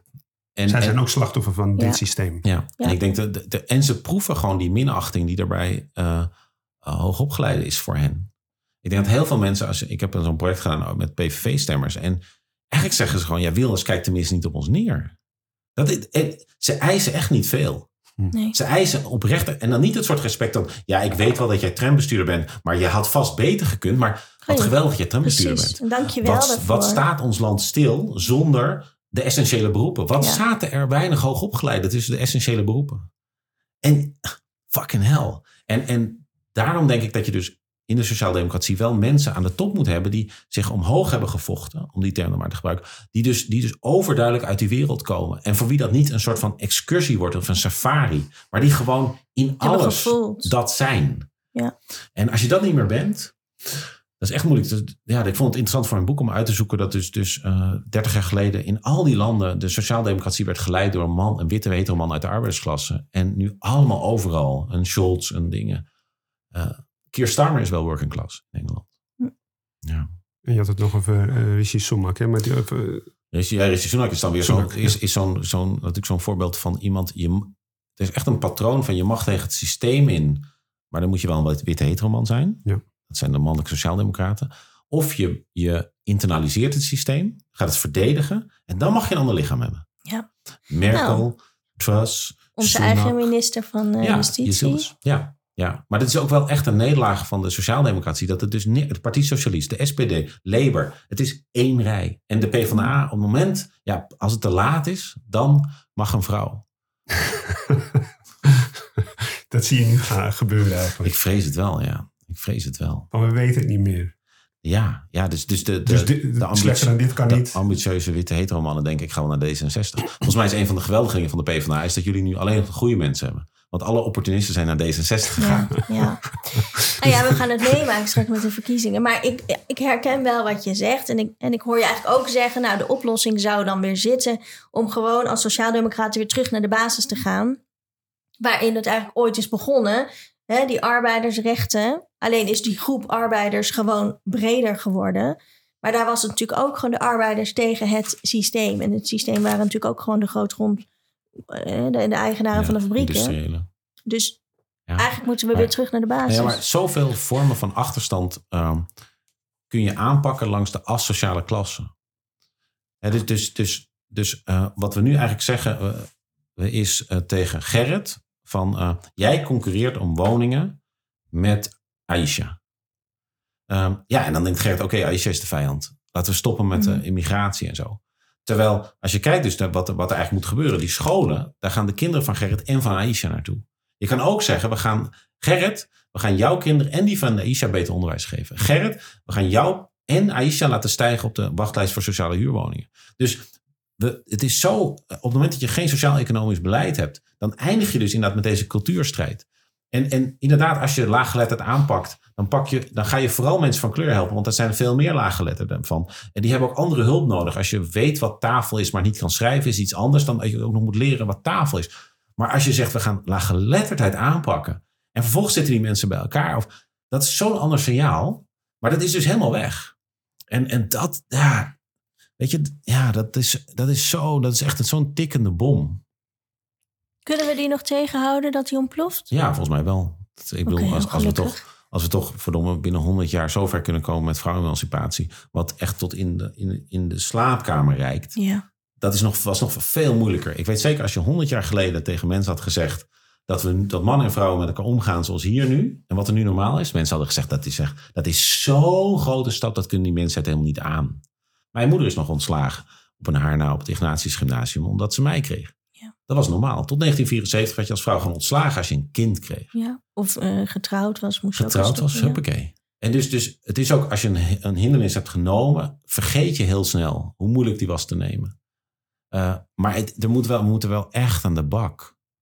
Maar goed, hoe kunnen we dan met z'n allen... Hè, want dan moeten we eigenlijk als... Nou ja, wij tegen, met z'n allen tegen het systeem van die... Nou, als we die Nou ja, we vrouwen erbij nemen, zijn we systeem ook, 5, 5, Ja. 6 procent misschien dan... als we de vrouwen erbij Ja. pakken. Het laagst hangende fruit is gewoon discriminatie. Ik vind het onbestaanbaar dat de Groene Amsterdammer 35 makelaars kan bellen in de regio Rotterdam. En dan bij 20 vast kan stellen dat er racisten ondertussen zitten en dat de politie dat niet doet.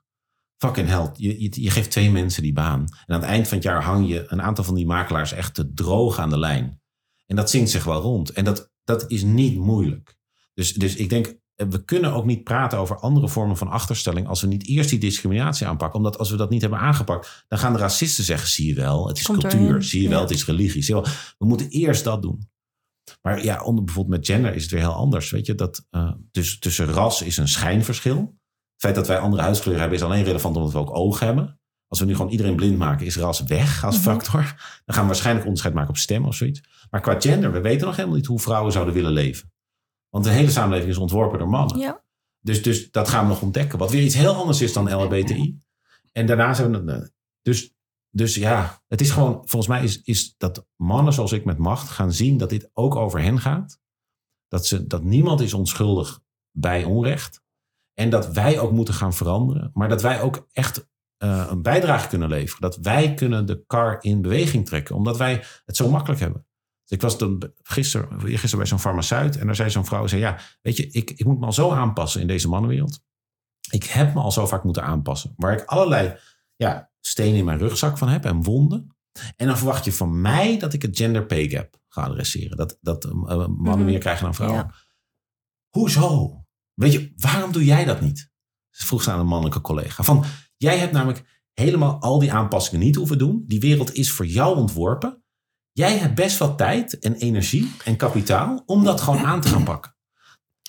We leven in een gekke eh, samenleving, toch? Want, want inderdaad, eh, bij corporate, bij overheden is het 5% tot 7%. Het gaat nog steeds met, eh, tussen mannen en vrouwen. Bij corporate is dat rond de 20%. En dan een van de argumenten die gebruikt wordt is... ja, vrouwen zijn minder goed in onderhandelen. Ik denk dan bij mezelf, als je dat nu weet, als man zijn. Stel dat je dat nu weet, dat vrouwen minder goed zijn in onderhandelen. Zou het dan niet fair zijn dat je zegt... nou, we weten dat je daar minder in bent, om wat voor reden dan ook. Dan ga je sowieso wat meer geven, want dit kun jij niet zo goed. Als het al zo zou zijn. Dat, zou toch, dat is toch een samenleving waar je in wil, Ja. in, in wil Nou, leven. maar dat dan je- dat je- zonder dat je dat stukje zegt van dat we het niet kunnen, dan gewoon het eerste bod moet al gewoon gelijk bod zijn. Nee, nee, exact. En natuurlijk kan er een, een verschil zitten. Maar als alles gelijk is, als alle variabelen gelijk zijn. En je krijgt 20% minder dan een man.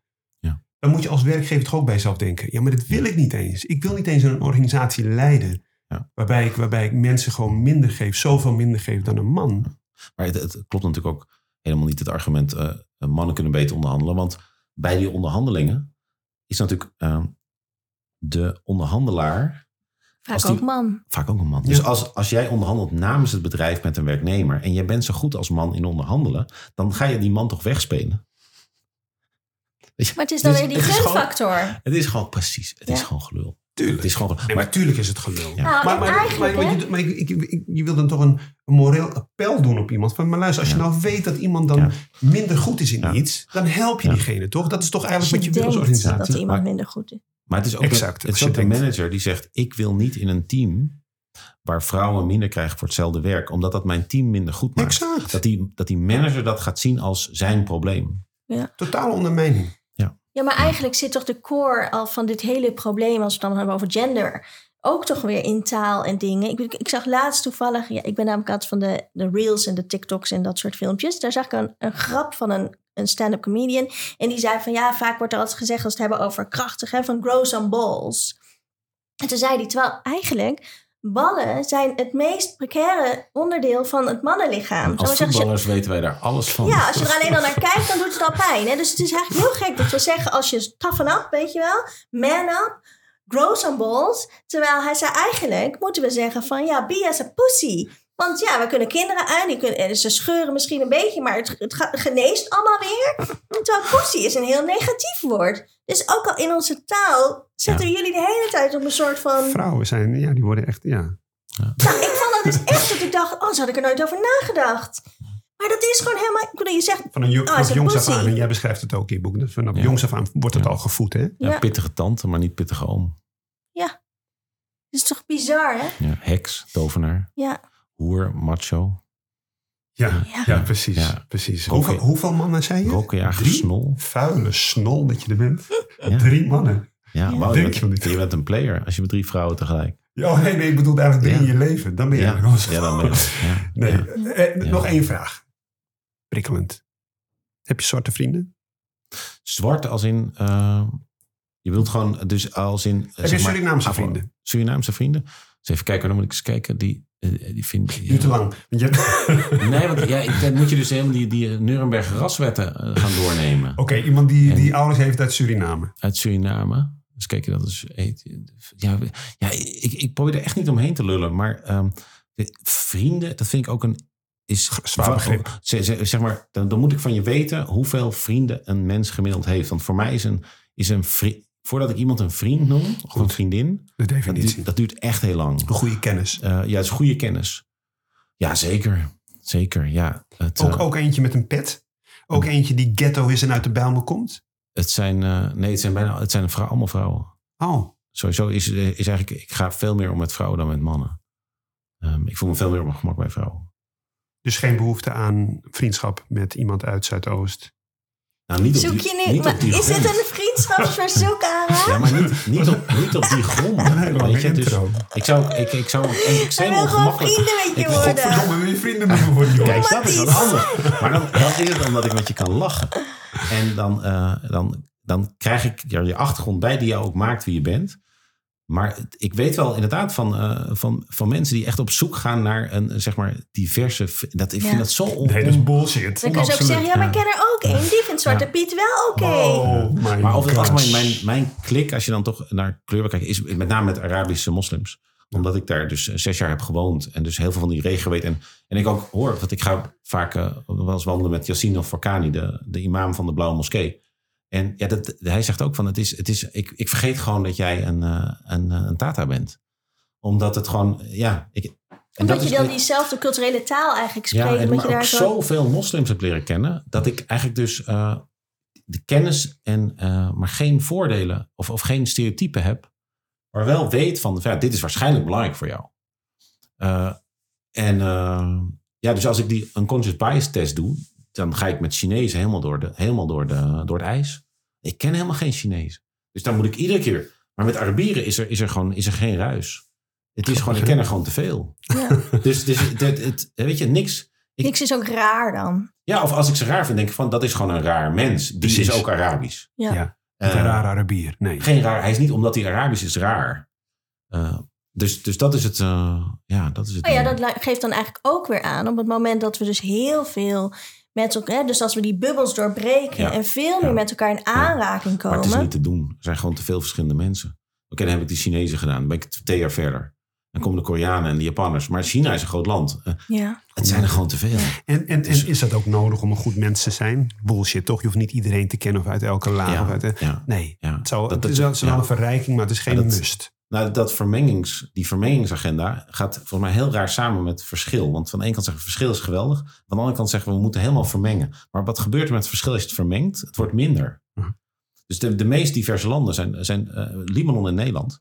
En dat is omdat Nederland net, eh, Libanon heeft heel, veel bergen, dus die konden niet mengen. Super divers. Druzen, christen. dat- Nederland met die rivieren, hetzelfde verhaal. En dat, van de ene kant vieren we dat. Zeggen we, oh wat mooi, zeg al die verschillen. Maar nu moet je allemaal gaan mengen. Ja, daar is er niks meer van over. Ja. Dus Nou ja, misschien niet mengen, maar toch wel elkaar leren kennen. En dan ook Ja. dus gaan Ja. respecteren van hoe de ander is. Ik bedoel, net als dat jij weet van, oh ja, schoenen uit. Dat, hoef, ja, hè, dat Ja. hoeft een, een moslim niet aan jou te vragen, want dat weet jij al gewoon. Nou vind ik niet ergens mensen te vragen hoor, maar... Ja. Dus dat, dat is al iets waarbij dan je als moslim, dan kan ik me heel goed voorstellen dat je denkt, oh wat fijn. Ja. Hij is wit en hij snapt het. Weet je wel? Ja. Dat is Ja. gewoon een heel fijn idee, toch? Dat je denkt, oh, hoef ik... oh het is Ramadan. Jij, jij gaat niet de vraag stellen, mag je ook niet een slokje water? Ja. Nee, dat doe je gewoon niet. Dus daarmee krijg je aan beide kanten... Wel een beetje hetzelfde als dat, dat een Nederlander over iemand zegt met een, met een donkere huidskleur. Oh, wat spreek jij goed Nederlands? Nee, maar dat is fout. Ja, nee, maar als hij dan zijn schoenen... Oh, wat goed. Je weet ook dat je je schoenen uit moet doen. Heeft een beetje... Nou, maar iets- dat geeft wel het... Nou, ook je kunt het negatief maken. Maar ik, vind, ik denk dat wij als moslim zijn we heel lang in een verdomhoekje gezet... als de meest gevaarlijke mensen die gewoon de mensheid gaan killen. Dan is het wel echt een verademing dat iemand het je ziet Hmm. en je een soort van snapt. En vooral dan die, die dominante witte man. Dat is helemaal fijn dat die je dan... Dat je dan toch een soort erkenning krijgt. Denk ik wel. Hé, hey, Joris. Dank je. graag gedaan, man. Wat heerlijk. Ja, Ja, dankjewel. Ik vond het heel interessant. En god, wat ben jij slim zeg. Jezus, Mina. en als je ooit nog een keer een leuke vriend uit Zuidoost zoekt. mannelijke vriend met een multi, nee, bi- biculturele achtergrond. Surinaams-Nederlands. Wij gaan gewoon Met een voetballen een keer. petje. Dan weet ik echt nog een paar leuke gasten, jongen, voor jou. Nee, eh, ik vond het geweldig, super interessant. En, en ik wist al veel uit je boek. Want zoals ik al zei, ik ben in slaap gevallen met je boek. Dus ik, ik, ik had dan een hele hoop ehm, helder. Ehm, maar bedankt dat je bent gekomen. Echt heel tof. Ja, en zeker bedankt. En ik denk dat het vooral ook dus belangrijk is dat mensen dit boek blijven promoten. En niet zozeer om jou, maar vooral om ook gewoon het gesprek gaan te maken. Hoe gaan we nou met alle mensen minder dan zeven en zes vinkjes een front vormen om gezamenlijk de wereld te veranderen? Ja. Amen. Super bedankt. Dankjewel. Graag gedaan.